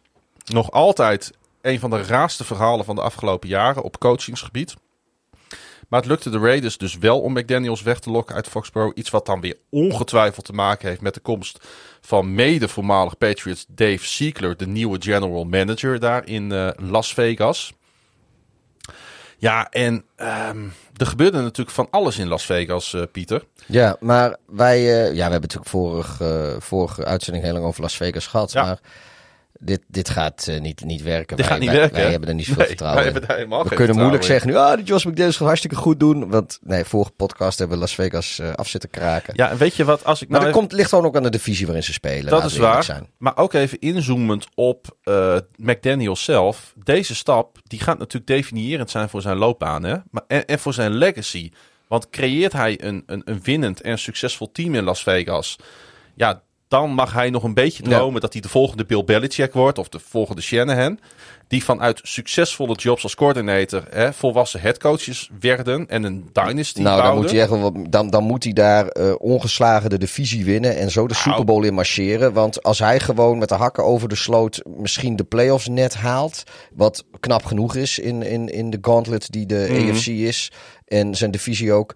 Maar dan nog eh, is, zit hij nog lang niet in, in, de, in, de, in de voetstappen Zeker van... niet. eh, Ik zei ook, daar mag hij dan van gaan dromen. ja. Maar weet je, en ik ben er echt bang voor dat, eh, dat de middelmatigheid die de Raiders al heel lang zijn, dat dat doorgezet wordt. En dan zal hij toch voor altijd die coach zijn die niet kan zonder Belichick aan zijn zijde om Ja. de weg te ja, plaveien. klopt. En ik vrees dat dat zijn, eh, zijn eindlot gaat worden. Wil niet zeggen dat hij niet onder druk staat, want dat is natuurlijk zeker wel het geval in Las Vegas. Wat dacht je van Carson Wentz bij de Washington Commanders, Pieter? Nou, die ligt niet onder een vergrootglas. Denk je dat? Ja, misschien eh, voor die paar fans die de Washington Commanders nog hebben. Eh, maar eh, laten we echt, echt eerlijk zijn. Eh, buiten de fans van de Commanders en misschien her en der eh, de, de, de, de familie van Carson Wentz... is er volgens mij niemand in de NFL die, die betrokken is bij wat daar in Washington gebeurt... en Het, wat er met eh, Carson Wentz gebeurt. Het begint wel triest te worden, want Ja. ik had het daar met jou over. Kijk, als hij de playoffs haalt en die divisie wint en hij marcheert ook zo de NFC Championship game binnen, dan is iedereen weer fan. Maar waarschijnlijk wordt het een beetje grijs en niet heel spectaculair. En met alle respect voor Wentz en de Commanders, no one cares. Ik zag op YouTube eh, vorige week een video met alle left-handed passes van, eh, van hem bij de Colts. En dan zie je dus gelijk de reden waarom hij daar maar één seizoen werkte. Het was ongelooflijk matig natuurlijk. Ja. En jij had het over die fans. Eh we hadden het daar afgelopen weekend over. Hè? nou ja, we zaten die, als je kijkt naar die trainingscamps. Ja. Of dat nou van Chicago is, van Pittsburgh, van Baltimore. Eh, eh, ik heb ze van Tennessee gezien. Ik heb ze zelfs van Detroit gezien. Van de Minnesota Vikings. Overal hordes mensen. Hele gezinnen die daar met busladingen naar die trainingskampen gaan. Sfeer is het is een beetje festivalachtige sfeer. Ja, de spelers zijn wel serieus aan het trainen, maar iedereen zit daar bier te drinken en hamburgers te eten en op handtekeningen jacht, zoals wij dat ook bij die oefenwedstrijdjes in de provincie van FC Groningen wel zien. Ja. Eigenlijk gebeurt daar hetzelfde. Kids van de jaar of zes die, die op een helm of een bal Ja, en eh, wij, een eh, krabbel en, willen. ja, en wij van, eh, staan met, met een biertje in de ene hand en een hamburger van de plaat in de andere. Ja, en dat, dat is, wat dat betreft is het niet anders. En toen zag ik een foto van trainingskamp van de Washington Commanders. Toen dacht je eigenlijk dat het was de dag zonder pers, maar dat was niet. En de dag zonder publiek, maar was- dat was niet. Er was bijna niemand. Nee. Daarom zeg ik, weet je, ik vind eh, jouw nummer drie vind ik niet zo goed. Of tenminste, de nummer drie. de- Het is in willekeurige volgorde Ja, oké, maar Ja. ik, eh, nee, no one cares. Dit, dit, hier ligt geen vergrootglas op, anders dan binnen de eigen organisatie. Ja. Dus daar hoeven verder denk ik ook niet eh, heel veel extra woorden nog aan vuil te maken. Vind je Piet Carroll terechter? Ja, want daar willen mensen van weten. Kijk, de Seahawks die, eh, die waren eh, tot, eh, tot een jaar of 20, 15, 20 geleden niet een, een hele grote franchise. Met Pete Carroll en zeker daarna met Russell Wilson zijn er natuurlijk eh, heel veel fans bijgekomen. Want ze hebben heel veel successen gehad. De Legion of Boom. Eh, Russell Wilson was geweldig om naar te kijken. Ik denk ook dat het een team is wat relatief veel fans in Nederland heeft. Ja, juist daarom. Omdat eh, zij echt leuk om te zien waren in een tijd dat de NFL steeds beter Ja. bekeken kon worden hier. Ehm, nou ja, ik, zoals de luisteraars ook al weten, ik kom met nou ja, enige regelmaat, is misschien wat overdreven, maar ik, ik, ik kom de laatste jaren nog alles in de Pacific Northwest. En de Seahawks zijn er echt heel groot. Eh, maakt niet uit welke tijd van het jaar je er bent. Eh, overal hangen, eh, hangen altijd Seahawks vlaggen en, en 12 vlaggen en ga zo maar door. Dus ja, de, de mensen zijn heel benieuwd hoe, of, of de goede keuze gemaakt is. Het ja, laten wat- gaan van wat- Wilson en juist. het behouden van Carroll. Ja. Of dat de juiste keuze geweest is. Dat en daar is iedereen verschrikkelijk benieuwd naar. En ook, en in tegenstelling tot bij de Washington Commanders, ook buiten de Pacific Northwest eh, willen en ook hier in Nederland willen heel veel mensen dat, eh, dat graag zien. En daar, ja, daar ligt wel druk op de schouders van, eh, van onze grote vriend Carroll. Als ze het met Drew Lock en of Gino Smith gaan doen. Ik vind beide niet heel aantrekkelijk klinken. Maar vooruit, het is nou eenmaal de situatie waarin ze zitten. Dan denk ik dat de focus zal moeten shiften naar de defense. Die als 21ste gerankt was eh, vorig jaar. Uh-huh. Ja, dat is, dat is natuurlijk niet eh, hoe de Seahawks hun defense willen, willen zien. Eh Carroll die heeft de coördinator ontslagen. Ken Norton heet hij volgens mij. En liet gelijk weten aan het begin van trainingskamp. Daar willen we agressiever zijn. Daar willen we weer terug naar die speelstijl waar we eigenlijk ook beroemd, berucht en, en geliefd mee zijn geworden bij Mhm. onze fans. Ehm, dus ja, daar, eh, daar, daar ligt de winst denk ik vooral voor de Seahawks. Een betere Ja. defense. Dan kun je natuurlijk met een, ja, een, een downgrade op quarterback ook nog wel eens eh, ver komen. Ja. Ehm, ik wou er ook een defensive player uitpakken. En ik heb gekozen voor Jeff Okuda van de eh, Detroit Lions. Ik zal uitleggen waarom. Ehm, omdat ik Akuda de meest teleurstellende pick vind van de 2020 draft. Had een dramatisch eerste seizoen voor de Lions. Omdat hij in week 1 van vorig seizoen zijn linker Achillespees afscheurde. Ja, sorry dat ik er een klein beetje om lach. Maar het is zo treurig altijd dat soort verhalen. Dat het bijna grappig wordt. De coach en general manager die Okuda drafted. Die zijn natuurlijk niet meer langer onderdeel van de organisatie. Ehm en eh, deze Okuda die moet dus gaan knokken om de starting job. Het is wat te vroeg natuurlijk om hem op te geven. Maar er zijn eh, natuurlijk nu komen de vragen of de Lions de fifth year option van deze jongen eh, moeten gaan gebruiken. Als deze 23-jarige cornerback opnieuw teleurstelt of niet fit kan blijven. Want je ziet het niet vaak hè, dat, ehm, dat, dat teams afzien van de fifth year bij spelers die in de top 5 gekozen zijn. Hij was dus een top 5 draft. Dat wil natuurlijk ook nog Mhm. snel bij Detroit Lions. maar ehm, er zijn eigenlijk maar een paar spelers geweest waar de fifth year optie niet, eh, niet, niet gelicht is. Als je echt naar die, naar die, naar die absolute top draft picks kijkt. Ja, Mitchell Trubisky is er natuurlijk één van. Ja. Hè, die werd als eh, tweede gekozen. Maar Solomon Thomas moest ik aan denken. Clelin eh Farrell. En dus Akuda zou daarbij... eh, mo- maar, Is dat het broertje van Colin Farrell? Clelin Farrell? Ja. Clelin Colin. ja, achter, achterneefje. Ja, oké. Nee, maar eh, om even aan te geven... eh, dit zijn dan van die, van die verhalen binnen het verhaal van een team. Ja. ja, nee, klopt. En dat vind ik, eh, vind ik dan wel grappig. Hey, een wat grotere storyline voor komend seizoen is Brian Goetekunst. De general manager natuurlijk van de Green Bay Packers. Ehm, ja, ben je het ermee eens dat we in principe nu op dit moment ze nog het voordeel van de twijfel moeten geven? Nee. Oké. Nou, het, nou ja, laat ik zo zeggen. Het zou raar zijn als ik het daar wel mee eens was. Want ik heb, eh, eh, nou ja, zolang als we deze podcast hebben en nou, zolang als jij me nou, kent, is wat overdreven. Maar eh, kijk, het is natuurlijk een pet peeve van mij al heel lang dat, dat ik vind dat ze in Green Day, eh, Green Day, Green Bay. Green Day was wel heel erg leuk trouwens. ja, klopt. Daar hebben we het niet eens over gehad, Nee. maar eh, daar zijn we ook geweest. Ja. Ander keertje. Ehm, maar dat ze in Green Bay met, wat is het, 25 eh, jaar twee Hall of Fame quarterbacks op rij. Want laten we ons niet voor de gek houden. De, Aaron Rodgers komt ook gewoon in de Hall of Fame vijf jaar na zijn pensioen. Zijn first ballots.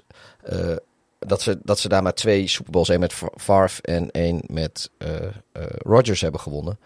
En ook de afgelopen jaren eh, is het steeds... het is allemaal leuk hoor dat die man MVP wordt en dat ze fluitend de playoffs Nou. binnenlopen. Even hoor, ik moet toch even ingrijpen.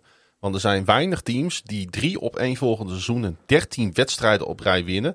De eh opeenvolgende MVP awards kunnen bijschrijven. Ja, waarvan één trouwens naar Brady had moeten gaan. Ja, oké, daar ben ik het ook mee eens. Maar dan gaat, dan gaat het op papier Nee maar, het niet nee, maar het gaat toch uit. Nee, maar je kan het ook omdraaien. Als jij eh, eh, ieder, ieder seizoen zo makkelijk iedereen aan de kant zet. En je quarterback die, die gooit fluitend de MVP-bokaal bijheen in het reguliere seizoen. Mhm. En zodra de playoffs komen en, en de, de Super Bowl in zicht is, dan struikel je weer. Ja, de- de- dat, die laatste horde. Ja, dus in, daarom vind ik dat Gutekunst onder druk staat. En daarom Ja, vind ik ook, ja, maar daarom geef ik hem nog niet het voordeel van de twijfel. Want hij heeft nog steeds niet laten zien dat hij wel in staat is een team neer te zetten die die laatste horde eh, kan overstijgen. Nee. En dat is het enige wat ze willen in Green Bay. Joh, als zij negen wedstrijden winnen en ze fietsen met die, met die, eh, met die zevende playoff plek en een wildcard de playoffs in, maar ze rollen zo door naar de Super Bowl, vindt iedereen het geweldig. Misschien zou het wel Maar- een keer gezond zijn voor de Packers om eh, als zevende de playoffs in te Maar ja, want zo hebben ze hem destijds ook gewonnen als Exact. zesde dan. Maar, maar als, als ze nu weer 13, 14, wat voor mij part 15 of 16 wedstrijden winnen en, en ze vliegen er tegen de, de 49ers of zo weer uit. Ja, weet je, pff, veel winnen in een seizoen, dat, dat kennen ze in Green Bay onderhanden wel. Maar eh, de prijzen worden toch echt, echt vergeven in postseason. En, en Daarom is het ook zo knap wat Tom Brady en de Patriots hebben gedaan. hè. Twee Ja. decades lang. ja, Ehm, wat natuurlijk wel een issue is, is dat eh wide receiver corps van de, van de Packers. Want eh ja, Devante Adams, nou dat weten we ondertussen allemaal, die is niet meer. Nee, ik, nou ja, dat is, eh, we hadden het er voor de podcast even over, maar toen kwam, de, kwam er wat tussen. Maar eh, toevallig hoorde ik de, de, het wide receiver korps van de Bears, die krijgt nogal de nodige hoon over zich heen. Omdat ze natuurlijk, ja, met eh, Darnell Mooney is, is hun beste receiver. En ze hebben die, die Felix Jones hebben ze gedraft. Die is al, weet ik veel, 26 of zo, of 25. Die vinden ze alweer heel oud. Ehm, maar ik zat dus even de, de, de receiverkorps van de Bears en van de Packers naast elkaar te leggen. En ik garandeer dat de Bears een beter receiverkorps hebben dan de Packers op het moment. Ja, in ieder geval meer potentie. Gewoon ook beter. Ja. Week 1, heb, als, als de, bij de Bears niemand meer geblesseerd raakt, hebben ze bij de Bears week 1 een, een beter eh, wide receiver korps staan. Kijk, ze hebben, met, eh, ze hebben met Sammy Watkins natuurlijk iemand eh, die zijn prime gehad heeft. ja, en die al op de publist staat. Weet, weet wel, Sammy Watkins weet dan wel hoe het is om een balletje te vangen op Soldier Field. Maar dat tezijde. Eh hun tweede weet ik niks van. ronde draft pick ging naar Christian Watson. En dan hebben ze nog Ellen Lazar en die eh, Robert Tonjan, eh, die ze al een paar jaar eh, bijna niet gebruiken. Die ze een grotere rol willen toedichten. Ook al een paar jaar. Dus ja, dat is het. En kijk, en, en we moeten niet vergeten, Rodgers had in Adams natuurlijk wel een echte difference maker hè, tijdens de sleutelmomenten. Ja. En die heeft hij nu opeens niet meer. En ik wil niet zeggen dat eh Aaron Rodgers niet in staat is om de bal ook bij iemand anders te bezorgen. Maar wat Adams daar de laatste twee jaar heeft laten zien is wel heel bizar. Ja. En dat mist hij nu. Dus we moeten echt gaan afwachten hoe dat, eh, hoe dat gaat uitpakken. Daarom En- was ik ook zo blij met dat, eh, dat Jones naar de Buccaneers ging. Want ik had nog echt zoiets van, eh, die zou nog Nou, wel eens in Green Bay terecht kunnen ik komen. zat dus aan AJ Brown te denken. voor ja, de- dat, wa- dat was al eerder. ze- dat was al veel. Dat ja, was wel eerder, maar waarom zijn ze daar niet achteraan gegaan? Vraag ik mij dan af. Zou hij nee hebben gezegd tegen Aaron Rodgers en de Packers? Ik denk het niet. Nou, wat ik eh, gehoord heb, is dat eh, Devante Adams, eh, die, is, die, die zou eh, gezegd hebben, dat onbevestigde geruchten, maar het, maakt me geen reet uit wat Green Bay mij gaat, eh, wat, mij, wat ze me gaan betalen. Het maakt me ook geen reet uit of Aaron Rodgers blijft. Ik wil gewoon weg uit Green Bay. Dus daarom is hij ook naar de, de Raiders gegaan. Hm. En ik heb dus totaal helemaal niet. Ik, Maar het gaat mij er vooral om dat De- ze er niks voor teruggehaald hebben. nou ja, maar dat is dus de vraag. Misschien wilde een AJ Brown wel liever in. in ik, misschien speelde hij wel liever in Philadelphia dan in, in Green Ja. Bay. Misschien. Ik, ik heb, weet niet of het waar is hoor. Ik ben er ook niet bij. Maar misschien, hebben ze, misschien is daar wel iets dat ze denken van nou, fuck it. Ju- Julio Jones ook. Die zal ook wel gedacht hebben. Nou, liever in Tampa met Tom. Dan, eh, dan in, in Green Bay met, met Aaron. En ja, nu heeft Julio Jones daar natuurlijk wat, wat anders. Maar ja, ik, ik weet niet hoe het er gaat. En maar dat zijn dus dit zijn dingen die kun je inderdaad, zo'n goede kunst, kun je dat, kun je dat eh, aanwrijven. Maar dit maakt voor mij, en op zich twijfel ik er niet per se aan dat de Green Bay Packers toch de divisie gaan winnen. Maar je moet natuurlijk ook met een beetje hoop kijken naar het seizoen. Je ziet eh, de Bears zijn een team in opbouw. De Lions ook. ja. De Vikings zitten al op zeg maar een 8, 8, 8, 9 niveau. Mhm. En als die de leap kunnen maken. Nou ja, goed, de afgelopen seizoenen hebben ze altijd hebben ze dat soort records neergezet. Ze zakken nooit helemaal door het ijs. De, de, De sorry. Vikings. Oh, sorry, ik dacht even de, over de Lions had. Nee, Nee, ik sorry. bedoel de Vikings. Nee, oké, nee, oké, nee, sorry. Dat, nee, daar heb je gelijk in, daar heb je gelijk Als die de leap kunnen maken naar boven. Ja, dan kunnen ze een bedreiging gaan vormen voor de Green Bay Packers. Want ik denk, ja, jij kan er nog veel beter iets over zeggen. Ik denk dat op dit moment de Vikings toch het team is wat dit seizoen de bedreiging zou kunnen vormen voor de Packers. Als de Ja. Packers tegenvallen en de Vikings vallen mee, dan kan het interessant worden. Of zie je het anders? Ehm, Of hoop ik iets wat er niet is? ja, Of zijn het de Bears of de Lions die kunnen verrassen? Ik denk dat eh, zowel de Bears als de Lions zouden kunnen verrassen. Eh, maar het is Green Bay's divisie om te verliezen. Alleen ik denk dat eh, ja, ze bij Green Bay op dit, we- wederom te veel hopen op Aaron Rodgers. En, en, en de magic die hij kan laten zien. En de witte apen die hij uit zijn kont kan laten, kan laten vliegen. Maar dat houdt een keer op. En eh, dat zien we eh, eigenlijk al eh, jaar in jaar uit, dat dat op een gegeven moment een keer ophoudt. In de, de in de playoffs. Of Rodgers raakt geblesseerd en dan is, is het helemaal klaar. Nou, nou goed, nu zal dat voor veel teams gelden als hun startende quarterback geblesseerd raakt. Behalve de Eagles. En ehm, ja, ik, ik weet ik, ik denk dat het pas echt weer interessant wordt op het moment dat, dat als, als het lijkt wel of ze bij Green Bay er gewoon op hopen dat tegen de tijd dat Rodgers daar vertrekt, dat ze met een derde Hall of Fame quarterback aan kunnen zetten voor nog een keer weer 15 jaar Hall of Fame eh, quarterbacken. God, het zit diep, hè? Hey, ik heb... Nee, maar dat, dat, dat, dat lijkt. Maar Nou ja. het, alles wat ze doen, lijkt wel gewoon. eh, kijk, ze hadden bijvoorbeeld ook voor kunnen gaan om te zeggen: we weet je, misschien, ik, misschien dat Devante Adams had willen blijven als Rodgers weg was gegaan. Ik noem maar wat. En dan doe je Rodgers doe je lekker naar de Broncos en je haalt zelf Russell Wilson op. Ja. Want die was goedkoper geweest. Dus dan hou je netto nog steeds wat draft capital over. Nou, dan ga je, ga je, met, eh, ga je nog een paar jaar proberen met, eh, met Wilson. Ja, fuck it, weet je. Op, op een of andere manier, ja. Maar goed, weet je, laat maar. eh, volgende. Ik heb, ik heb er even over getwijfeld. Ik heb Lamar Jackson er toch, toch bij gezet. Omdat er wel heel veel over hem gepraat wordt natuurlijk. Al lijkt dat op hem uiterlijk erg weinig impact te hebben. Ja, op het moment van opnemen, het kan over een paar dagen zomaar anders zijn, is er nog steeds geen contractverlenging voor de 25-jarige voormalig MVP. De meeste quarterbacks met de staat van dienst van Lamar, ja, die eh, zouden al lang een deal getekend hebben. Zelfs al naar het derde jaar, denk ik. Nou, Lamar niet. Hè, die nog steeds zichzelf vertegenwoordigt. De fifth year option zal Jackson een salarisboost geven van 1,8 miljoen naar 23 miljoen dollar dit jaar. Maar zijn toekomst op papier is nog steeds onzeker, Pieter. Ik had niet helemaal verwacht dat tussen de vorige podcast aflevering en deze aflevering we nog steeds in deze situatie zouden zitten, eerlijk gezegd. Nee, en ik vind het. eh, ik blijf het dom vinden. Ja, En nou ja, goed. eh, en vooral ook. Weet je, eh, wat Lamar Jackson eigenlijk doet, is, en dat doet hij niet bewust, want hij vindt de Ravens geweldig en hij wil heel graag bij de Ravens blijven. Maar hij brengt de Ravens in een, in een onmogelijke positie, ja. want hij dwingt de Ravens het persoonlijk te maken. Of zit het andersom en ligt er iets op tafel eh, waarvan de Ravens denken we proberen hem dit aan te smeren. Nee, En- nou, maar dat, dat, dat is het dus. Hij dwingt de Ravens het persoonlijk te maken om normaal gesproken, als ik jouw agent ben, dan, en jij eh, bent quarterback bij de Ravens, dan ga ik lekker praten met de Ravens. En dan zeggen de Ravens, die zeggen tegen mij van, joh, eh, beste, beste Pieter, die, eh, die, eh, die eh, Klaas-Jan van jou, dit, eh, dat, die schatten wij in, ik noem maar wat, eh, ergens tussen de top drie en zes quarterbacks in de league. En dit is wat ze verdienen. En wij hadden zoiets van, nou, dan gaan we daar een beetje tussen. Dus we gaan hem betalen als, noem maar wat, vijfde quarterback. Weet je, dat, dat, dat dit is wat we geven.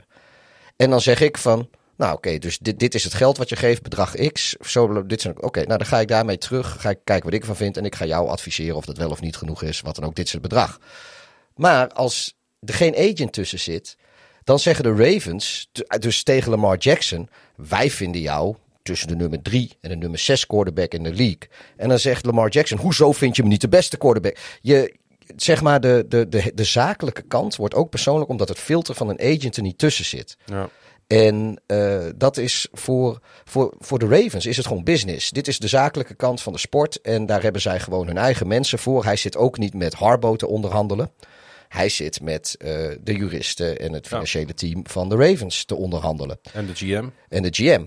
En, eh, je, en alles wat de, de Ravens zeggen, kan hij zich persoonlijk aanrekenen. En dat moet niet. Hij, het enige wat, wat Jackson zich persoonlijk aan moet rekenen, is wat zijn coaches en zijn teamgenoten tegen hem Maar zeggen. ik, ik, ik snap het ook werkelijk niet waarom het zo gaat zoals het gaat. Want weet je, hij heeft sportief al lang aangetoond dat hij Kyler Murray geld mag verdienen. Ja, maar ik heb ook verder geen idee wat. eh, weet je, dit gaat nog los over wat voor aanbiedingen er op tafel worden gelegd. Het, het is gewoon. Want. Roquan maar- Smith doet hetzelfde bij de Bears. Heeft ook geen agent. En het is gewoon heel vervelend. Want je dwingt Ja, je krijgt het, het team. in de glazen. Het, alles wordt Maar- persoonlijk.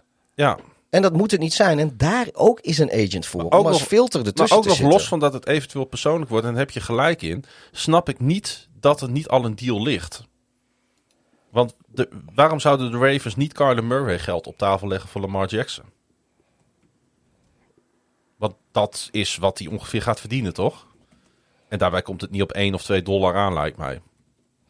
Ja, dat, dat, dat, zou je, dat, dat zou je denken. Kijk, ik, ik weet niet precies. Kijk, da, da- hij, hij hoeft geen Josh Allen, eh, Patrick Mahomes geld te verdienen. Per se. Als je kijkt naar zijn afgelopen seizoen.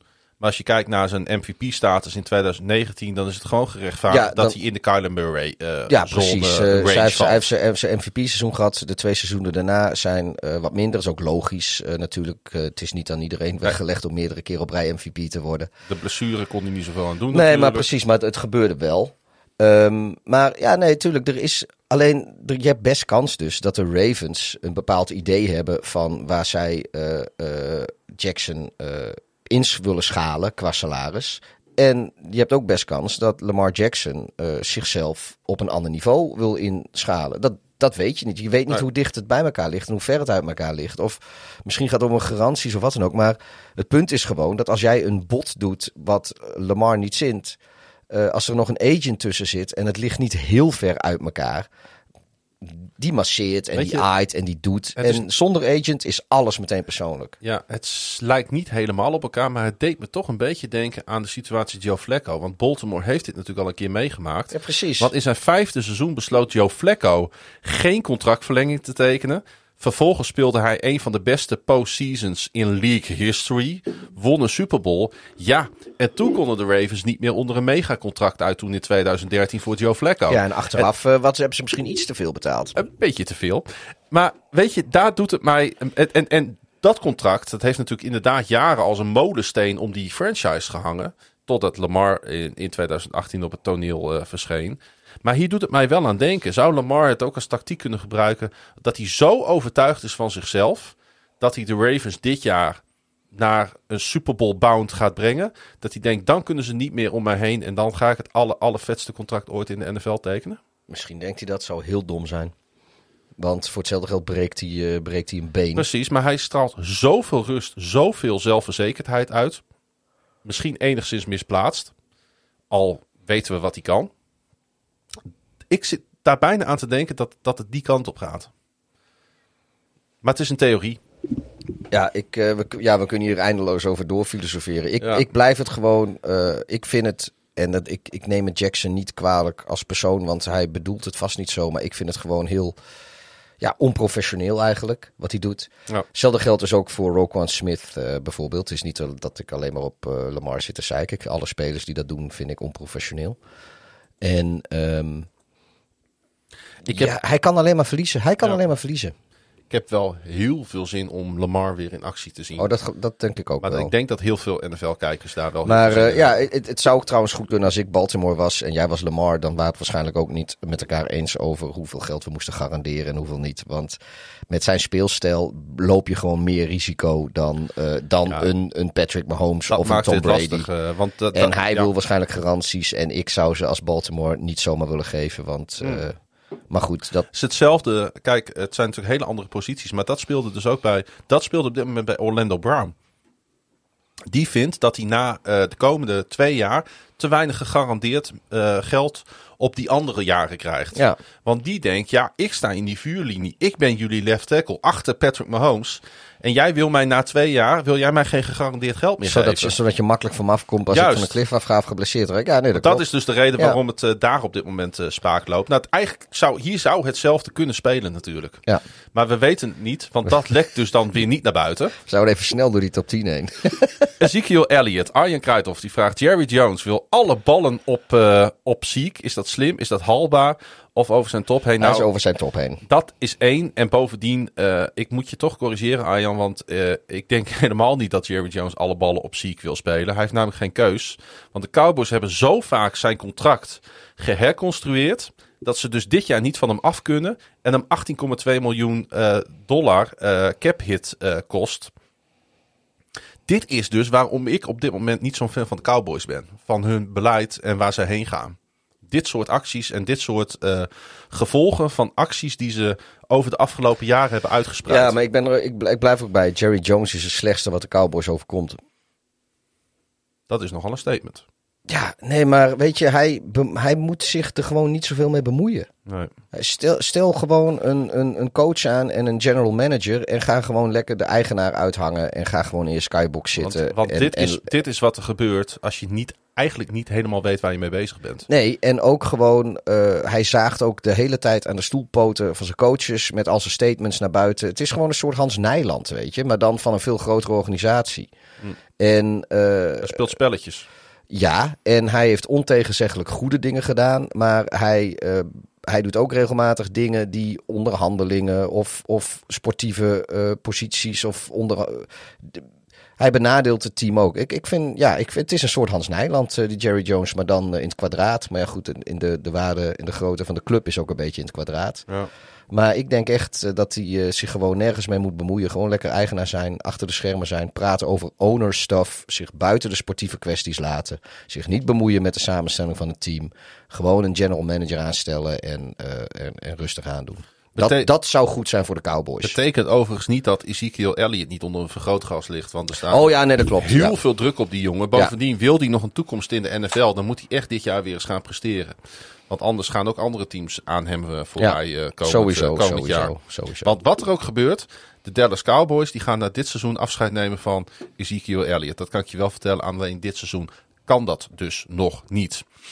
Ehm, een andere jongen die, daar hebben we het ook regelmatig wel over gehad in onze podcast. eh Makey Becton, de offensive tackle van de New York Jets.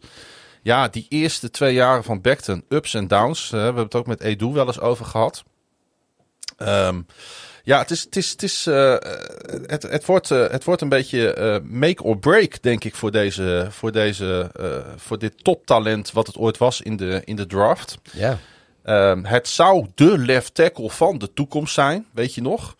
En eh, bij die positie hoort dan ook nog eens een, eh, een, een vet contract over het algemeen. Nou, hij staat nu op de drempel van seizoen 3. Is niet eens verzekerd van een basisplaats. En dat geeft wel te denken. Want wat dat betreft eh, eh, heeft, eh, heeft Robert Salou opeens heel wat meer om uit te kiezen dit jaar. Ja, en dan komt zelfs deze jongen opeens onder druk te staan. Ze zijn zeer ontevreden over de manier waarop hij vorig jaar gerevalideerd heeft. Hij zou te lui zijn, te dik zijn, zich niet aan zijn eetschema's houden. Dit komt me zo bekend voor allemaal. Dit hoor ik zo vaak over, Alleen, alleen wij zijn geen American voetbalspelers. Omdat wij te Met, lui met, zijn. met, met heel veel eh, centjes op de bank. Wij zijn te lui en eh, Ja, dat zijn we ook. te dik. Dus ik ben heel benieuwd hoe Beckton zich gaat ontwikkelen dit jaar. En überhaupt of dit niet zo'n speler is. Die wel eens een hele korte NFL-carrière zou kunnen hebben. En een, eh, en een langzame, toch ook weer snelle dood sterft in de league. Ja. Want daar ben ik een beetje bang voor. De laatste die ik eruit wil pikken, eh, Pieter. Hoe lang zijn we al bezig trouwens? Zullen we eens even kijken? Oh, nog geen twee uur, joh. Nog geen twee uur, hè? dat, is, eh, dat is Matt Rule, de coach van de Carolina Panthers. Want ik denk dat er geen coach op een hetere stoel zit dan de voormalige Baylor en Temple coach... die een eh, 10-3 23 record noteerde in zijn eerste twee seizoenen als coach van een NFL-team. En Rule, ja, die moet natuurlijk, uh, moest het natuurlijk een significant deel van het uh, vorige seizoen stellen zonder die star running back Christian McCaffrey. Maar de franchise was wel zelf verantwoordelijk, Pieter, voor het binnenhalen van die matige quarterback Sam Darnold. Een gok waar ook Rule uh, mede verantwoordelijk voor was. Ja, en ik denk dat de fans weinig credits meer over hebben voor, uh, voor deze coach. Hè? Nee, dus ik hoop voor ze dat, uh, dat Baker Mayfield de sterren van de hemel gaat ballen. Ja. En nu geloof ik ook wel dat Mayfield, uh, weet je, die is in, in Cleveland ook altijd even netjes behandeld. Want die heeft daar ook wedstrijden half fit moeten spelen. Om vervolgens wel gewoon de volle bak kritiek te krijgen. En dat je, dat, dat je als fans dat geeft, vind ik nog tot daar aan toe. Maar ik vind als jij uh, eigenlijk je, je speler onder druk zet om te spelen terwijl hij niet fit is. En hij speelt, dat valt hem dan te prijzen. Maar als hij dan niet presteert zoals hij misschien wel zou hebben gedaan als hij wel fit was geweest. En je gaat hem dat dan vervolgens kwalijk nemen. Ja, dat vind ik wel een beetje trashy. En, uh, is het ook. Weet je, het zijn die mensen die, die Paul Matthijs uitfloten omdat hij het slechts deed als rechtsback. denk ik, ja, hij, hij doet gewoon wat er gevraagd wordt. Het is de schuld van de coach dat hij hem op een plek neerzet waar hij niet uit de voeten kan. Ja. Maar... Uh, was met Michael Kiefte belde ook een beetje zo. Uh, breek me de bek niet open over Michael Kiefte. Ja, dat dacht ik al.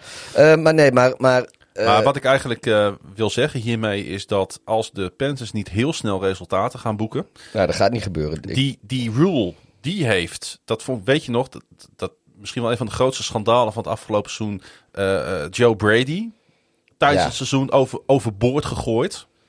Verneukt, zou ik bijna willen zeggen. De offensive coordinator. Ja, als hij, als hij nou niet met... met want we, we kunnen, we moeten niet doen alsof Baker Mayfield een slechte quarterback was, is. Was er niet iets met Joe Brady? Er, er, was toch een reden voor dat dat gebeurde? Nou ja, ze hadden ruzie. Ze hadden ruzie over welke spelers erop gesteld moesten worden. Ze waren het gewoon totaal niet met elkaar eens. Dat was volgens mij toch het probleem. Dat ze, dat ze op geen enkel punt zo ongeveer uh, het eens waren over wie ze moesten opstellen, hoe ze moesten spelen. Volgens mij was dat het, uh, dat, het issue gewoon. Oké. Okay. Maar ik ben gewoon heel benieuwd hoe de Panthers het gaan doen. En als de Panthers het niet goed gaan doen, hoe lang Matt Rule mag blijven zitten in, uh, in Charlotte. Want ik denk niet al te lang. Nee, maar het gaat sowieso niet. Uh, ik, ik, ik vind het, uh, de, de, de Panthers, dat is op dit moment niet echt een organisatie om te benijden. Nee.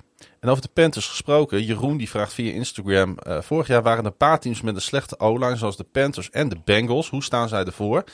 Nou, wat dat betreft is daar wel goed nieuws te melden. De O-line van de Panthers startte afgelopen seizoen 13 keer met een verschillende combinatie aan spelers. Dat kwam natuurlijk uh, ja, met name door blessures. Maar ik denk dat het dit jaar een stuk beter zal zijn. Ik heb er eens even snel naar gekeken. Taylor, Moton en Brady Christensen, die keren terug. Maar met name de komst van free agent toevoegingen Bradley Bozeman starten bij de Ravens en Austin Corbett starten bij de Rams. En dan die eerste draftkeuze erbij opgeteld voor die uh, Ikem Ekwonu. Ik denk dat dit echt vette upgrades zijn. En uh, wat dat betreft belooft dat wel goeds voor, uh, voor Baker Mayfield. Ja. Die O-line heeft echt een gigantische upgrade gekregen. En een, ja, Jeroen vraagt naar de Bengals. Eigenlijk is het bij de Bengals een beetje hetzelfde verhaal als bij de Panthers. Hè, zij moesten upgraden. Ze moesten upgraden. Dat deden ze. Het begon natuurlijk met uh, free agent toevoegingen van center Ted Karras en right guard Alex Kappa. Een van de betere guards uit de league die ze even uit uh, Tampa hebben weggerukt. En ik ben groot fan van, uh, van Lil Collins, die te duur werd voor de Cowboys. Weer zo'n voorbeeld van dat de Cowboys uh, hun financiële huishouding niet goed op orde hebben. Mhm. Een van de beste right tackles in de league. En een serieuze upgrade ten opzichte van Isaiah Prince, die echt het niveau niet aankon vorig seizoen. Ja, en um, wat dat betreft uh, ook goed nieuws voor, uh, voor Cincinnati. Want ook daar hebben ze hun line uh, echt, echt versterkt. Ja, ze hebben Riley Reef wel laten gaan. Ja. Die is bij, dat de, klopt. bij de Bears gekomen. Net als Michael Schofield, die we allemaal nog kennen uit Prison Break. Prison Break, ja. Nee, dus dat, maar daar gaan uh, jullie denk ik ook wel plezier van blijven. Ja, nee, maar even zonder gekheid. Die, die Riley Reef, die, uh, nou, het is helemaal, kijk, het is geen pro-bowler. Nee. Maar het is, uh, het is een prima, een prima degelijke, hij is volgens mij guard. En volgens mij is Schofield een tackle of andersom. Moet ik even, even er weer bij pakken. Volgens mij is Reef de tackle. ja. Zeg ik uit mijn hoofd. maar in elk geval, Ja, weet je, die, eh, die, de Bears natuurlijk ook een absolute eh, blasfemie van, een, van een offensive line Ja. vorig jaar. En ik denk dat ze daar ook wel... Ze hebben wat, wat later in de draft wat, wat talent opgepikt. Ze hebben dus... God weet hij nou, die jongen van Green Bay opgepikt, die center. Die is trouwens wel geblesseerd. Die heeft, moet zijn duim geopereerd worden. Maar die schijnt er tegen tijdens het seizoen beginnen wel weer bij te zijn. Nou, ze hebben Schofield en, en Reeve gehaald. Ik zullen geen potten breken met, of tenminste, het zal geen, eh, geen opzienbarende O-line zijn. Maar ik heb er wel wat meer vertrouwen in eh, dan, eh, dan twee weken geleden. Nou, ze hebben dus bij een aantal teams, in ieder, geval, in ieder geval bij de Panthers, de Bengals en dus ook de Bears, hoor ik net van mijn gewaardeerde mede-host Pieter, geupgrade. Onze grote vriend Jurk kwam ook nog even met een vraagje, Pieter. Ja, En we gaan nu wel echt naar het eind van het script toe, hoor. We ik zie hebben het. het vrij snel gedaan, hoor. Jo, ik ga even de vraag, eh, eh, de vraag stellen dan. Eh, welke van de teams ontpopt zich dit seizoen als opvallend of onverwacht sympathiek team? Begin jij of begin ik? Nou jij begint. Ik heb de vraag toch gesteld. Goed, ik heb hierover nagedacht, want ik zag deze vraag binnenkomen. En ik kwam uit op ehm, misschien wel een verrassend team voor mensen die luisteren. De Minnesota Vikings. Vond jij die onsympathiek dan? Nee, die vond ik niet per se onsympathiek. Maar ik vond ze vooral heel erg saai, middelmatig. Niet zo leuk. Niet onsympathiek. Dat is dan weer een gradatie eh, eh, verder, vind ik. Nee, ik, ik vind het een team met veel potentieel. En waarom zou Kevin O'Connell met zijn ervaring bij teams als de 49ers en zijn recente jaren als offensive coordinator bij de LA Rams niet de volgende McVay of Shanahan kunnen worden? Want ik vind dat hij dat absoluut potentieel in zich heeft. Ik vond de Vikings vorig seizoen dus niet leuk, niet slecht, niet goed. 8-9 record, nou dat zegt alles. Ja, ik denk gewoon dat dit team snakt naar nieuw leiderschap, Pieter. Naar een frisse wind. O'Connell kent Cousins nog eh, uit zijn tijd bij Washington. Want daar was hij de quarterback coach. En ehm, ja, ik denk eh, als ze Delvin Cook, eh, een van de meest spectaculaire spelers in de NFL, weer goed kunnen gebruiken. Ze hebben de line hebben ze intact kunnen houden en ook nog wat versterkt. Ja, en ik ga er gewoon stiekem... Oké, ik ga het nog een keer zeggen. Ik ga ervan uit dat de Packers wat minder zijn geworden. Ik ga ervan uit dat de Vikings wat beter zijn geworden. En dan kan het nog wel spannend gaan worden om de koppositie in de NFC North. Dus Pieter. jij, jij vindt ze onverwacht sympathiek omdat ze de strijd met Green Bay wellicht aangaan. Ja, Oké, ja, dat, kan ik, dat vind ik ook wel. eh, Dat vind ik mooi. Dat vind ik, Ik denk- vind ik weer sympathiek van jou. Dat jij denk- dat sympathiek Nee, vindt. maar ik denk dat iedereen die niet fan is van de Green Bay Packers, eh, maar wel van de NFL houdt, ook wel eens zit te wachten op een wisseling eh, van de wacht in, de, in die divisie. Dat eh, Kan dat bijna niet anders. Ik ook, maar dat Zoals we ook heel lang gehunkerd hebben in de. Het hoeven niet de in- Vikings per se te zijn. Ik, Nee. ik, ik, ik zou zo. de ik, zou, Lions ik, ook zou, ik zou ook zo een, een, een Bears kunnen noemen, bijvoorbeeld. Zo, Ja. Zomaar. Of de Detroit Lions. Ja, die vind ik ook wat sympathieker dan ik ze ooit vond. Maar dat is niet het antwoord op de vraag Nee. die ik wil inbrengen. Eh, nee, maar zo hebben we toch ook in de AFC West heel lang gewacht op dat die Patriots eens een keer van die eerste plek werden gestoten. Ja. En Nou. vervolgens fietsen ze alsnog gewoon die play-offs in. Oké, ze kregen daar een pakje klop Ja. van, heb ik jou daar. maar eh, eh, Maar je snapt wat ik bedoel. Ja, ik, ik, ik ben er wel aan toe. En ik, ik weet je, ja, kom op nou. Wat is er te haten aan de Minnesota Vikings? Heel weinig. Ja, ik vind Cousins een beetje een... Ja, ik ben ook geen- een- ik ben een- geen een fan van natte- Cousins. Ik vind een natte zakdoek. Maar even als franchise, als organisatie, fantastisch stadion. Oh ja, heerlijke oh, ja, fans. ja. Nee, Eh, ik, eh, ik heb ook heel vaak eh, gezegd dat het, eh, dat het, ja, dat ik van de teams in de NFC North heb ik daar het meest sympathie voor. Ja. Naast natuurlijk de welbekende Bears. Maar eh, en de Lions, omdat wij het altijd naar ons zin hebben in die ja, natuurlijk. die wordt gewoon leuk. om- Ja, maar sowieso sinds die eh Swartz daar weg is, vind ik het daar veel, in, vind ik het daar veel leuker worden. Maar dat is, eh, dat is een ander verhaal. Hey, welk team eh, wil jij naar voren brengen als team wat zomaar eens, eh, out of the blue, eh, het wel eens leuk zou kunnen doen? Nou ja, die sympathiek, eh, onverwacht sympathiek eh, gevonden gaat worden. En dan zeg ik de Houston Texans. Want die had natuurlijk vorig jaar...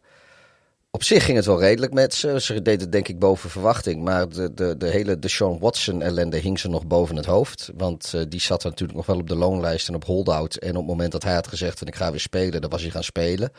En dat vonden wij allemaal dan niet zo sympathiek waarschijnlijk. Nou, dat, eh, dat hebben zij achter zich gelaten. Ze hebben gewoon een shitload eh, aan, aan, aan draftkapitaal uit, uit Cleveland weggesleept. En, en, en Watson die kant op geschopt. En zij zitten daar nu met Davis Mills, die natuurlijk eigenlijk als outsider eh, in de draftklasse van vorig jaar. En is een van de weinig genoemde spelers. eh, het, het toch echt heel leuk gedaan heeft. Zeker. En als je verwachtingspatroon eh, eh, afzet tegen de uiteindelijke prestatie, misschien wel het best gepresteerd heeft naar verhouding eh, van de draftklasse van vorig jaar. Nou ja, laten we, als, als hij die lijn een beetje door kan zetten. Dan, eh, of, nou ja, en, en ze hebben dan nu ook eh Lovie Smith. Nou, dat is misschien voor mij iets persoonlijks, maar ik kan met de beste wil van de wereld niks onsympathieks aan die man eh, ontdekken. Misschien is, is de NFL hem een beetje voorbij gegaan, want hij wordt wel wat ouder en zijn concepten zijn misschien wat gedateerd. Dus sportief weet ik het niet, maar het is ontegenzeggelijk een sympathiek persoon. Ja, en, en met, met, met dus een sympathieke quarterback en, en, en een sympathieke technische staf. eh, ja, waar, dan ben je al snel een sympathiek team eh, in mijn, mijn boekje. En de Texans zijn natuurlijk normaal gesproken een beetje een, een team dat niet heel veel gevoelens oproept bij de gemiddelde NFL-fan. Nee.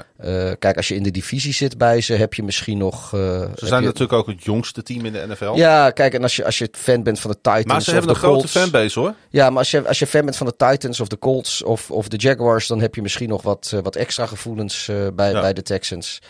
Ehm, of als je fan bent van de Texans zelf natuurlijk. Maar bui- buiten de divisie heeft niemand iets voor, maar waarschijnlijk ook niks tegen de Houston Texans. En eh, Ze zijn er ook wel beter op geworden hoor. Want ze hebben echt gaten gevuld. ja, dus dit is, maar dit is zomaar een team dat dan, weet je wat, wat de Chargers ook hadden, weet je, de Chargers, eh, mensen buiten de divisie, niemand haatte ze en het werd over het algemeen wel als, ja, was een leuk team, maar we hadden het er eigenlijk nooit over.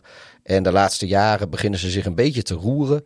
En met die Justin Herbert ziet er hartstikke leuk uit. En in één keer vindt iedereen dat sympathiek. Nou, die Ja. potentie heeft de Houston Texans ook een beetje, vind ik. Ze hebben nog altijd Brandon Cooks hè. Daar op eh, wide receiver staan. Moeten we niet vergeten. Ja, Die blijft daar maar in de absolute schaduw van de NFL balletjes vangen. Ja, hij zal wel goed verdienen ook eh, wat dat betreft. eh. ja.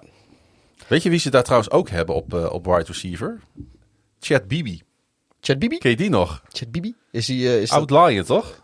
Ja, maar ik, ik, ik weet het allemaal niet meer. Ja, die was, het is ooit een keer een Who's That Man geweest. Omdat, eh, Bibi? ja, omdat, eh, omdat zijn vader een, eh, een, een Lion legend is. Oh, ja, ik weet niet meer alle Hoestetmans. Uh, Nee, ik ook niet. Maar deze schiet mij opeens te binnen. Ehm, ik ga dus voor de Vikings. Jij voor de Texans. Ehm, ja, een beetje mosterd naar de maaltijd. Eh, maar ik zet hem er toch even in. Emiel die vraagt, wat vinden jullie van de quarterback carousel van dit jaar? Nou, daar is al veel over gezegd. Maar er zijn eigenlijk nog maar twee quarterbacks over. oh ja? Die nog geen team hebben. Ik dacht één. Twee serieuze quarterbacks. Ik dacht één. Nou, Jimmy G. ja. Cam Newton is al een beetje van de, van de carousel gevallen hoor. Want, Nou ja. eh, nee, maar wat heeft hij nog laten zien? Er is volgens mij geen team die belang heeft, serieus interesse heeft in hem. Ik denk het ook niet. Maar goed, eh, hij Dus hij zit niet, eh, hij zit, wat mij betreft zit hij niet echt meer in de carousel.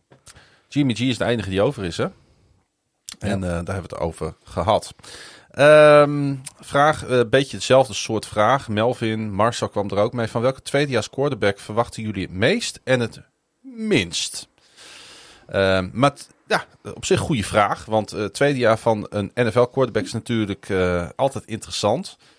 Zat een beetje terug te, terug te denken in de tijd. Je had in 2017 had je natuurlijk Carson Wentz die eh, in zijn tweede jaar eh, volledig doorbrak. In 2018 hadden we Patrick Mahomes. In 2019 hadden we Lamar Jackson. En natuurlijk afgelopen jaar Joe Burrow. Die de AFC title zelfs pakte met de Cincinnati Bengals. Komend jaar Justin Fields. Ja, ik hoop het voor je, Pieter. Maar ik, ik, ik denk dat hij nog een jaartje nodig heeft om, eh, Ik heb geen idee. om, nou ja, goed, om nog wat te groeien. Ik, ik, ga, ik heb besloten tegen iedereen in dat ik all in ga op Trevor Lawrence. Oké. En ik heb ook besloten dat dat mijn team wordt wat ik ga adopteren dit jaar. Nou, vind ik jammer. Waarom? Nou, gewoon. Waarom vind je dat nou jammer? Ik, ik, ik, ik, ik, ik heb, ja, ik, ik weet niet. Ik heb, ik, heb, eh, ik, ik heb de Jaguars, vond ik altijd al een beetje een nietserige organisatie.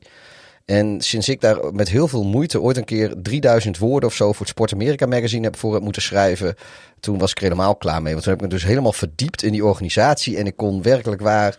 Ik, ik wist van gekkigheid niet wat ik erbij moest halen om daar een, een artikel over te kunnen schrijven waarvan ik dacht, dit willen mensen lezen. Ja. Het is dat, eh, dat onze grote vriend Darch eh, zo'n zo'n begenadigd eh, redacteur en schrijver is. En die kon me nog een paar pointers geven, waardoor ik met heel veel moeite. En Ah, de horeca in, eh, in Jacksonville is natuurlijk... eh, oh ja, het weer is er, is er geweldig. Je kan er in de bubbelbad, eh, kun je daar lekker die wedstrijd kijken met een koude bier in de hand. En daarna dan duik je dat duik je terras op om die serveersters even lastig te vallen. Want ja, die, die mogen natuurlijk ook niet rust krijgen nu Big Ben met pensioen is. Dus dat, De Ravens spelen daar dit jaar. Eigenlijk moet ik er gewoon heen. Ja, doe dat joh. Hey, Ik krijg het eh, hartstikke dood in, in Florida. Ja, man. dat ga ik ook zeker niet doen. Eh, Even heel serieus. Het was natuurlijk verschrikkelijk afgelopen seizoen bij de Jaguars. Het, was, eh, het deed pijn aan de ogen. Maar ik heb het idee dat de held van Clemson nog ergens moet zijn. En ik denk eh, dat hij met Doug Peterson een veel stabielere coach achter zich heeft staan. De receiver group is beter geworden. Ja, eh, moet je luisteren Pieter. Het Met Kirk, Ja, maar Chri- Christian... Ja, hij, iedere cent die Nee, nee, hij verdient veel te veel geld. Maar Christian Kirk was echt, echt een hele aardige receiver bij de Cardinals. Was echt een prima receiver. Ja. Ja, echt waar. Ja, ja, nee, ik, ik geloof het allemaal wel. Alleen maar- geen, geen 70 miljoen dollar waard. Weet je, zoals ik eh, tegen beter weten in, in, in teams als bijvoorbeeld de Steelers blijf geloven als van dat zijn eh, eh, organisaties die bovenin meedraaien totdat ze tegendeel bewijzen. Mhm. Eh, zo blijft Jacksonville voor mij gewoon eh, ieder seizoen opnieuw een, eh, een, een organisatie die onderin meedraait totdat zij het tegendeel bewijzen. En Dat gaan ze dit jaar doen. nou, en ze moeten dat wel een paar jaar achter elkaar doen. Want ze hebben eens vaker tussendoor dat ze per ongeluk een keer de play-offs halen. En daarna dan storten ze weer gewoon van die cliff af. Ik wil gewoon eh, eh, een paar jaar op rij wil ik bij de, bij de Jaguars zien dat ze, dat ze Ik mee eh, moet wel nageven, jij hebt Zach Wilson genoteerd. Namelijk, ja, ja in, bij de Jets zijn ze iets serieuzer aan het bouwen. hè? Ja, nou, en, en de reden dat ik Wilson hier ook koos is omdat Wilson die had natuurlijk... kijk, Mac Jones die kwam in een gespreid bedje terecht. Wilson die kwam een beetje in een, in een, nou, een behoorlijk onopgemaakt bed terecht. Justin Fields kwam in een ondergescheten bed terecht. Eh, Trevor Lawrence Trevor Lawrence, geen die- bed die- ja, dus, er, stond, dus, er stond geen bed. Er stond er, lag zo'n, bed, ja, lag zo'n precies. coach in met een stel minderjarige college chicks. Die, die moest hij er eerst uittrappen voordat hij er zelf in kon. En dan wilde er ook geen blacklight doorheen halen. Maar eh, Wilson die heeft zich in de, in de loop van het seizoen, eh, vind ik, heeft hij echt wel een stijgende lijn laten zien. En ze hebben er, voor zover ik nu kan inschatten, bij de Jets ook best veel aan gedaan om, om hem te helpen en beter te maken. Ze, ze pakken dat serieus op. En ja, ik zie dus eigenlijk geen aanleiding om eh, aan te nemen dat die stijgende lijn, die eigenlijk in de tweede seizoenshelft ingezet werd, niet gewoon wordt doorgezet in zijn sophomore seizoen. En daarom denk ik dat, dat Wilson best wel eens eh, heel veel eh, leuke dingen kan laten zien. Als je kijkt naar wat er om hem heen gebouwd is. ze zijn een beetje unproven, maar met Elijah Moore, Garrett Wilson, Corey Davis. Eh, denk ik heel veel talent op wide receiver in potentie. Ja, en het hoeven ook niet allemaal bewezen spelers te zijn als Nee. er onderlinge chemie er is. Hè? En als je dat lekker Exact. in trainingskamp opbouwt Dat- en, er, en er komen goede, goede, goede playdesigns en zo, joh, Ja. dan maakt het niet Daar uit. ben ik ook een beetje naar op zoek inderdaad. Eh, en, en ik denk ook dat, dat wat dat betreft eh, Robert Salou daar de, de man voor is. Ze hebben ook nog met Braxton Barriers een geweldige slot specialist. Ze hebben natuurlijk Mims nog onder contract. En ze hebben, en daar ben ik heel erg fan van, ze hebben die tight end van de Bengals, die eh Uzoma gehaald. CJ. Ja, en eh, dus dat zou best wel eens kunnen worden. En ze hebben de allerbeste guard eh, van het afgelopen seizoen binnengehaald. Die Laken Tomlinson van de San Francisco 49ers. eh, Ja. Die natuurlijk een enorme boost gaat zijn in de pass protection van, van Zach Wilson. Ja. Ze hebben nu wel echt wat gedaan om, om er wat van te maken. Nog veel meer dan vorig jaar. Hè? Hey, is het dan ook bij jou een, ehm, een quarterback waarvan je denkt van... Mwah, mwah, daar, eh, daar zit wat minder rek in? Nou ja, kijk, ik heb hier D- Davis Mills gezegd. En dat, dat, eh, ja, dat, dat tegenspreekt misschien een beetje net mijn verhaal over Mhm. de Texans en hun sympathie. Maar Davis Mills, wat ik net ook al zei, die heeft dus als je het verwachtingspatroon tegen de daadwerkelijke prestatie in het vorige seizoen, als je het tegen elkaar afzet, heeft hij denk ik het best gepresteerd van alle rookie quarterbacks. Want laten we eerlijk zijn, bij de, bij de Mac Joneses en de Justin Fields en de Trevor Lawrence en de Zach Wilsons lag de lat gewoon hoger. Het verwachtingspatroon lag hoger.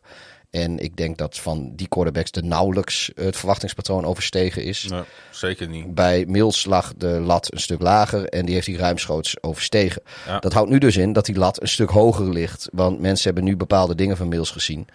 Ehm, en ik hoop voor Mills dat hij eh, gewoon eh, weer lekker boven die lat uit kan komen.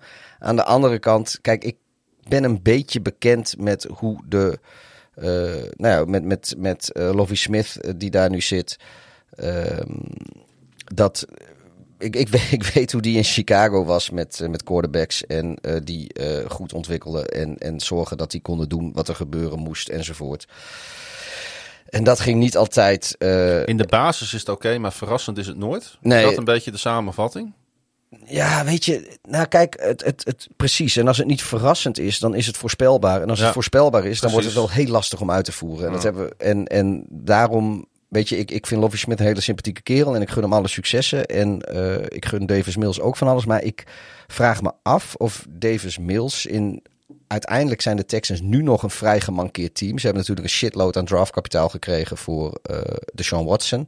Maar daar kunnen ze pas op zijn vroegst volgende draft eh, wat van gaan verzilveren. Dus op dit moment is het niet bepaald een sterrenteam. Ehm Mills heeft dus te maken met een vrij eh, gemankeerde supporting cast, om het zo maar te zeggen. En aanvallend gezien heeft hij ook een vrij gemankeerde coach. Ah, Ik, ik weet, moet ik eerlijk zeggen, uit mijn hoofd niet wie de offensive coordinator is. Maar ook in dat heeft Lovie Smith in Chicago ruimschoots bewezen dat hij ook geen held is in het aanwijzen van offensive coordinators. Dus ehm, hoe ik graag ik het ook anders zou willen zien, ben ik bang dat Mills eh, tegen gaat vallen wat dat betreft. Alrighty. En ehm, ik wou het toch heel kort dan nog even over Mac Jones hebben. Ik heb daar eens over nagedacht. En eh want ik ben niet zo'n fan van Mac Jones. Ik vond hem eh, ongelooflijk overrated afgelopen seizoen. Hij kwam met gespreide bedje. Ja, eh, de overdreven manier waarop hij daarom ook op een voetstuk werd gehezen, kon ik op een gegeven moment echt niet meer aan. Tuurlijk, New England won op een gegeven moment zeven wedstrijden op rij, maar dat legt echt niet per se aan Jones. Meer aan de mensen om hem heen en aan de defense.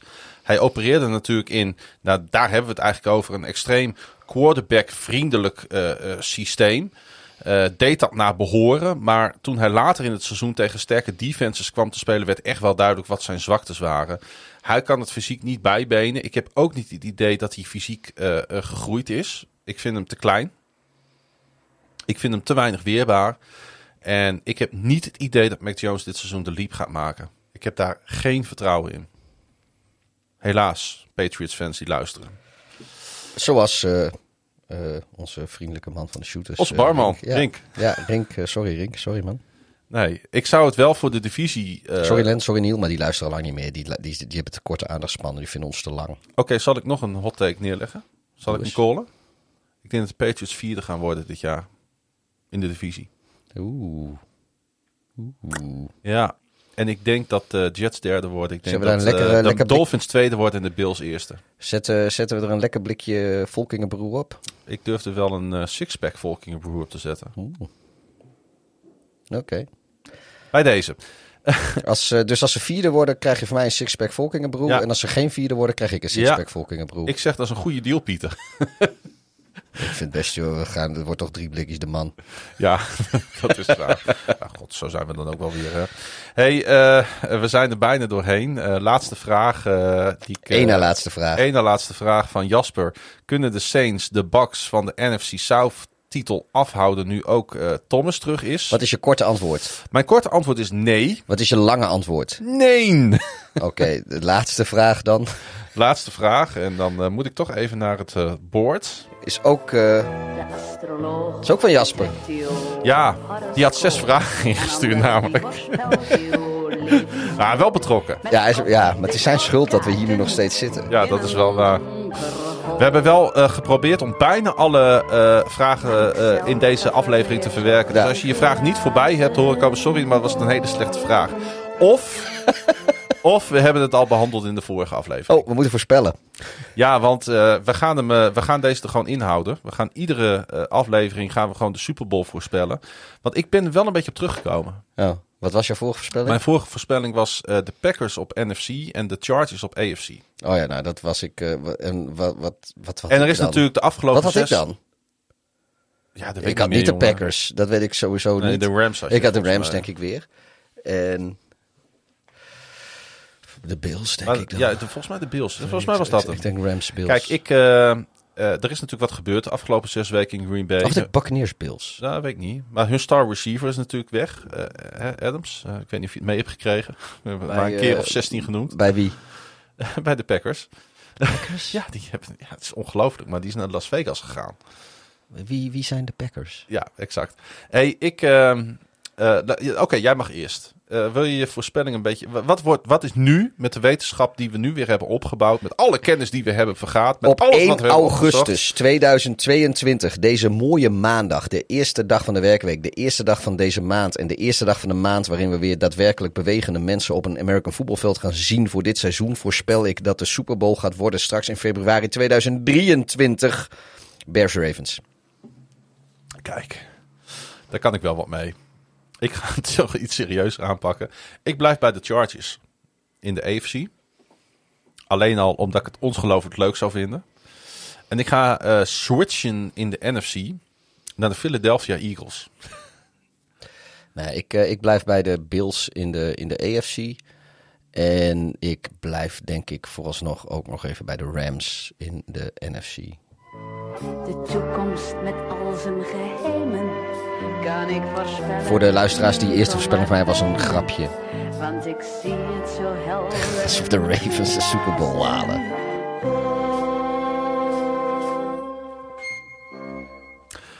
Ehm, nou was er iets eh, met onze grote country held.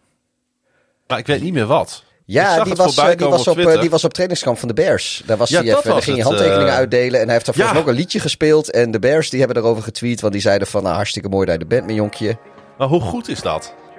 Want het werd ook echt gewaardeerd volgens mij door de Bears-organisatie dat hij opkwam daar. Ja, en wat ik... eh, eh, Er zijn nog wel warme banden dus. eh. ja, terwijl de, hij heeft natuurlijk ook bij de Jaguars een post gespeeld. En ik weet niet of hij nog andere... is. Sowieso de Jaguars heeft hij een post gehad.